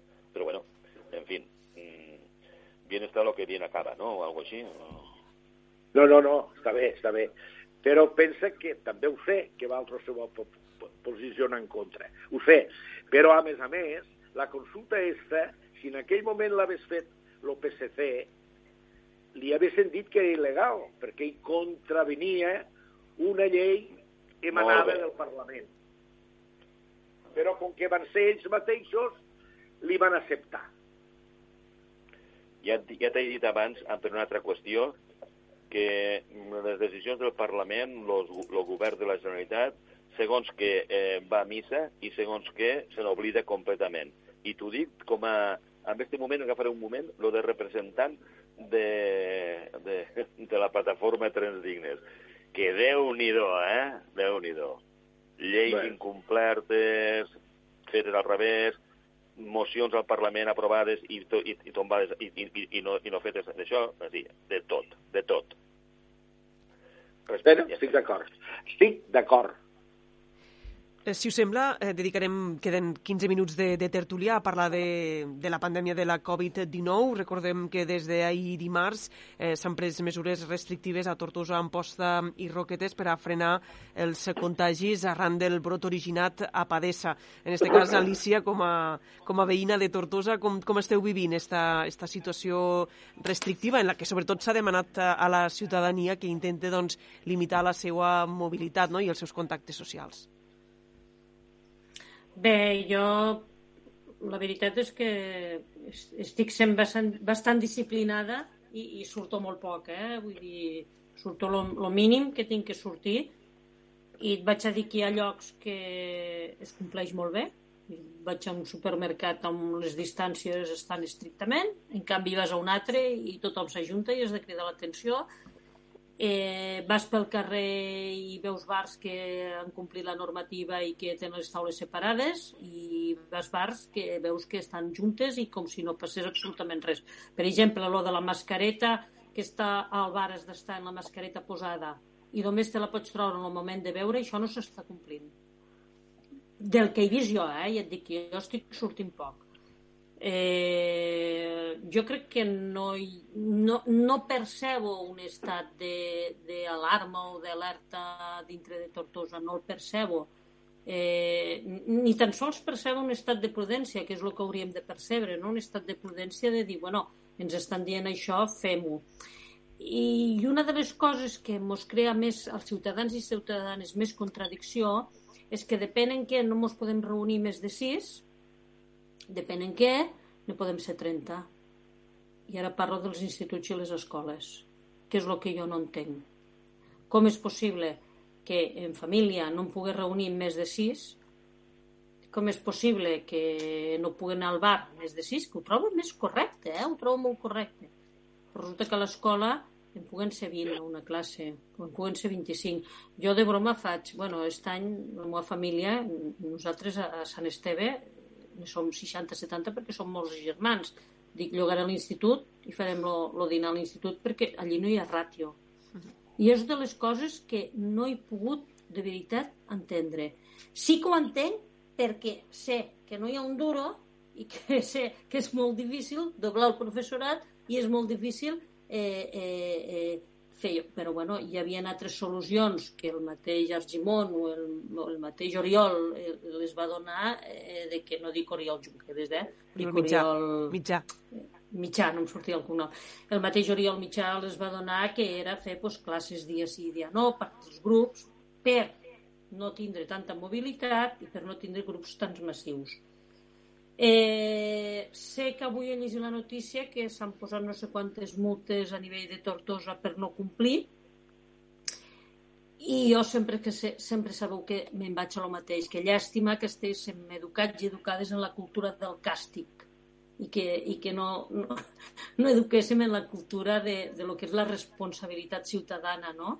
Eh, la llibertat, però la llibertat comporta una responsabilitat personal de cadascú. És una llàstima que encara estiguéssim en aquesta franja de, de, del càstig. Si em castiguen, complixo, si no em castiguen, no compleixo. El càstig i la temor, que venim molts d'esta generació, del càstig i de la temor. Llàstima. A mi, a veure, eh, dono ple, ple suport, eh, és dir, a lo que planteja la, el govern, eh, se té que ser restrictiu, i, i jo, a veure, crec que, que s'hagués pogut fer més en el tema d'ensenyament i crec que se fa poc encara pel tema de, de sanitat, és dir, de sanitat pública. Se reforça poc la sanitat pública, s'ha reforçat poc i s'ha fet poc en el tema d'ensenyament que s'hagués pogut fer més. Per això hi havien els diners. Per això, els 1.400 milions d'euros per ajudar en els temes de la Covid. Eh, no, eren, no eren per fer coses estranyes, diferents. Era, estem parlant d'aquestes coses. I mireu, hi ha una cosa que és important. Eh, diu, a tot arreu passa el mateix. Doncs pues no, no passa el mateix. A Galícia, a Astúries i al País Valencià no està passant el mateix que a Catalunya i a Madrid. O fiqueu Madrid, Madrid pitjor, sí, però déu nhi Catalunya. Eh, com és que allí s'han fet les coses, sobretot València, que és la, potser la més proper, no només geogràficament, sinó de, de, de, de, de sentit, de, de, de conjunt, no?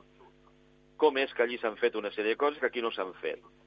i que tenen un problema econòmic igual o més gros que el de Catalunya en quant al tema dels recursos que li arriben de Madrid, eh?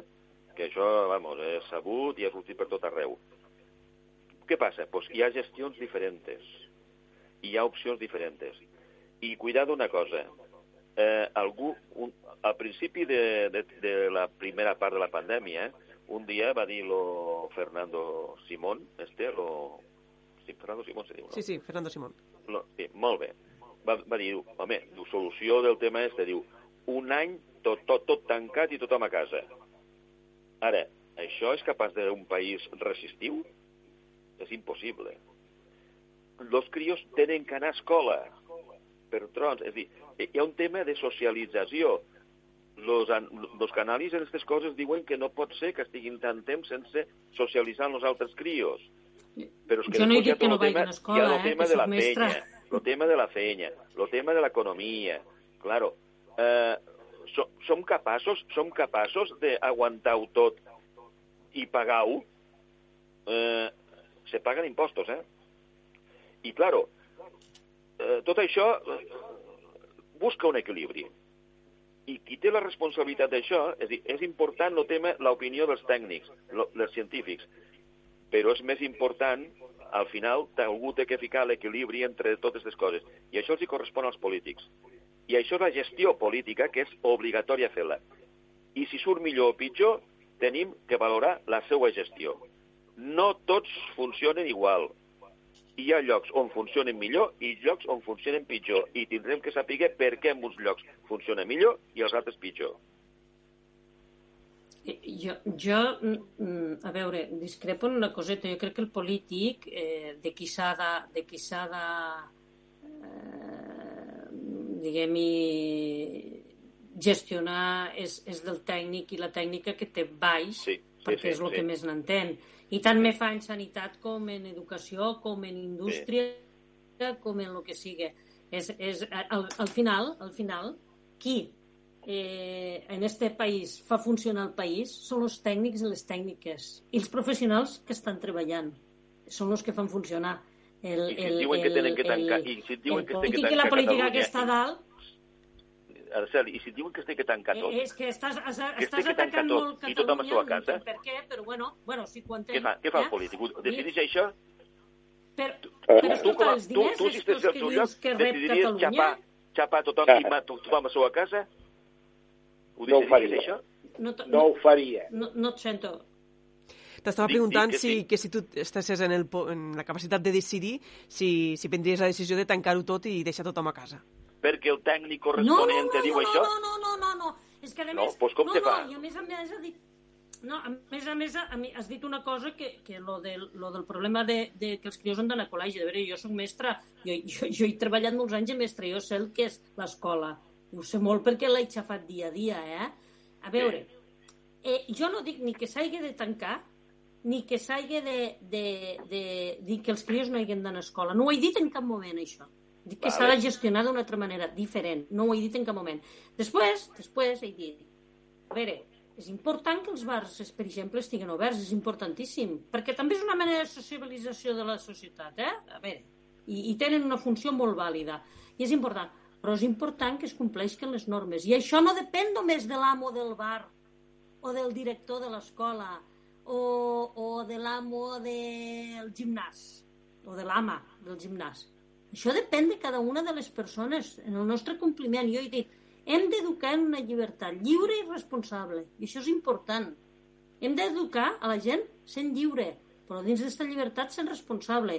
I la responsabilitat, quan jo me'n vaig a un gimnàs, o en estos moments de Covid, o quan jo me'n vaig al bar en estos moments de Covid, o quan porto el crió a l'escola en estos moments de Covid, la responsabilitat meua és complir la normativa de lo que m'estan dient. Mascareta, distància social i rentat de mans.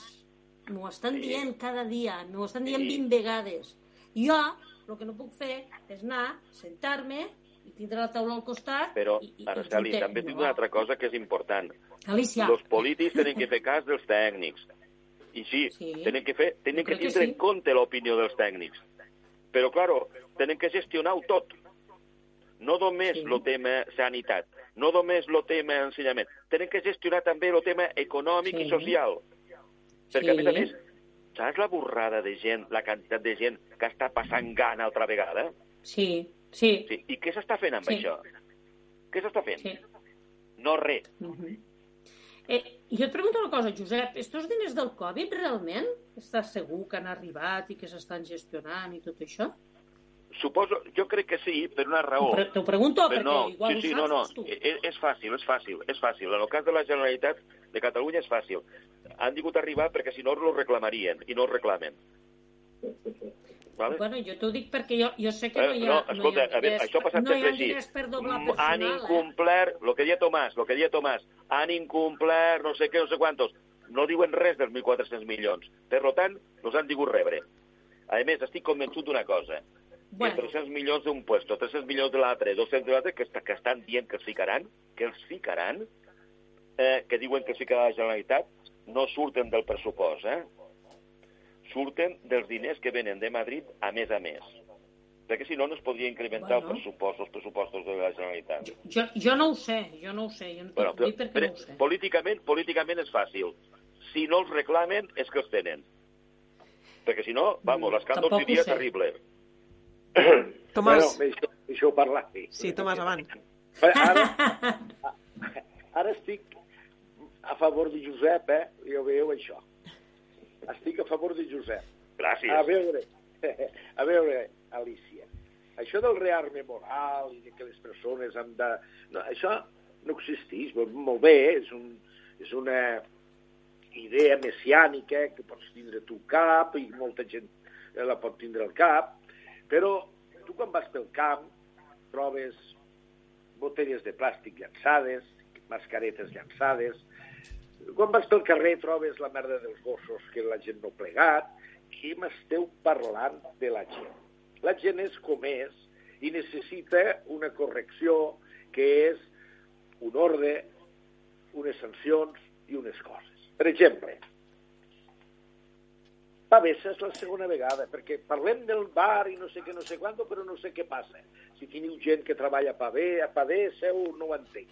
Perquè dos vegades han vingut dos focos de la mateixa empresa. Que jo sàpia, ningú els hi ha posat cap sanció. Perquè suposo que una empresa que té equips treballadors ha de tindre un cribatge com a mínim a l'entrada, ha de tindre unes mesures de seguretat obligatòries i han de tindre uns protocols perquè resulta que treballen molta gent. Perquè si hi ha sis persones han de portar mascareta, suposo que aquests 200 o 300 o 400 persones, treballadors que estan treballant allà, doncs haurien de tindre... unes 550. condicions. Eh? Quantes? 550.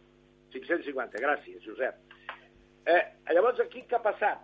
Pues, o no s'han complit o no hi estaven. Pues, mira, si no hi estaven, mal fet. I si no s'han complit, també mal fet. I el foco ningú l'ha ningú l'ha dit. Ara resulta que tancarem els bars d'una cosa que ha passat en una empresa, en un escorxador determinat. És a dir, com Això que tampoc ho he dit jo, eh? els governs no s'atreveixen a posar la cullerada on l'han de picar perquè no sigui cosa que a lo millor quan vinguin les eleccions o mos paguin la campanya electoral, pues resulta que eh, mos anem per els terros d'Úbeda, m'enteneu com vull dir? A veure, què passa? Los focos tothom sap d'on ha vingut, i és la segona vegada. I per què és la segona vegada? Si hagués passat a casa meva, o a casa de Josep, o a casa de la- de l'Alicia, ja li veren anat los policies a casa, no sé què, no sé quanto. Aquesta és la gran qüestió. I una cosa que us vull dir. Estic d'acord amb Josep. Ma filla és mestra, eh, Alicia, com, com tu, eh? Vale. Per tant, te diré que hi ha menys mestres a l'escola de l'Atmetlla que hi havia l'any passat. I que, per tant, no, ja no poden fer, eh, com es diuen això, les especialitats, les no sé què. M'enteneu? Perquè la gent que feia especialitats ha d'ensenyar a sumar, restar i a dividir. O sigui, aquesta és la gran qüestió. I quan hi ha una persona que... Si us sembla, deixem el debat aquí i el continuarem, que segur que tornarem a parlar de l'escola i de la pandèmia a la pròxima tertúlia perquè se'ns ha acabat el temps. Ens queden res 20 segons de programa. Bueno. Moltes gràcies als tres, a Josep, a Tomàs i a Alicia, per haver acceptat avui la nostra invitació i fins a la pròxima. Moltes gràcies als tres. Vale. Moltes gràcies a gràcies a vosaltres. vosaltres. Vale. Adéu. Fins aquí el programa d'avui. Nosaltres al dia Terres de l'Ebre tornem demà amb més actualitat.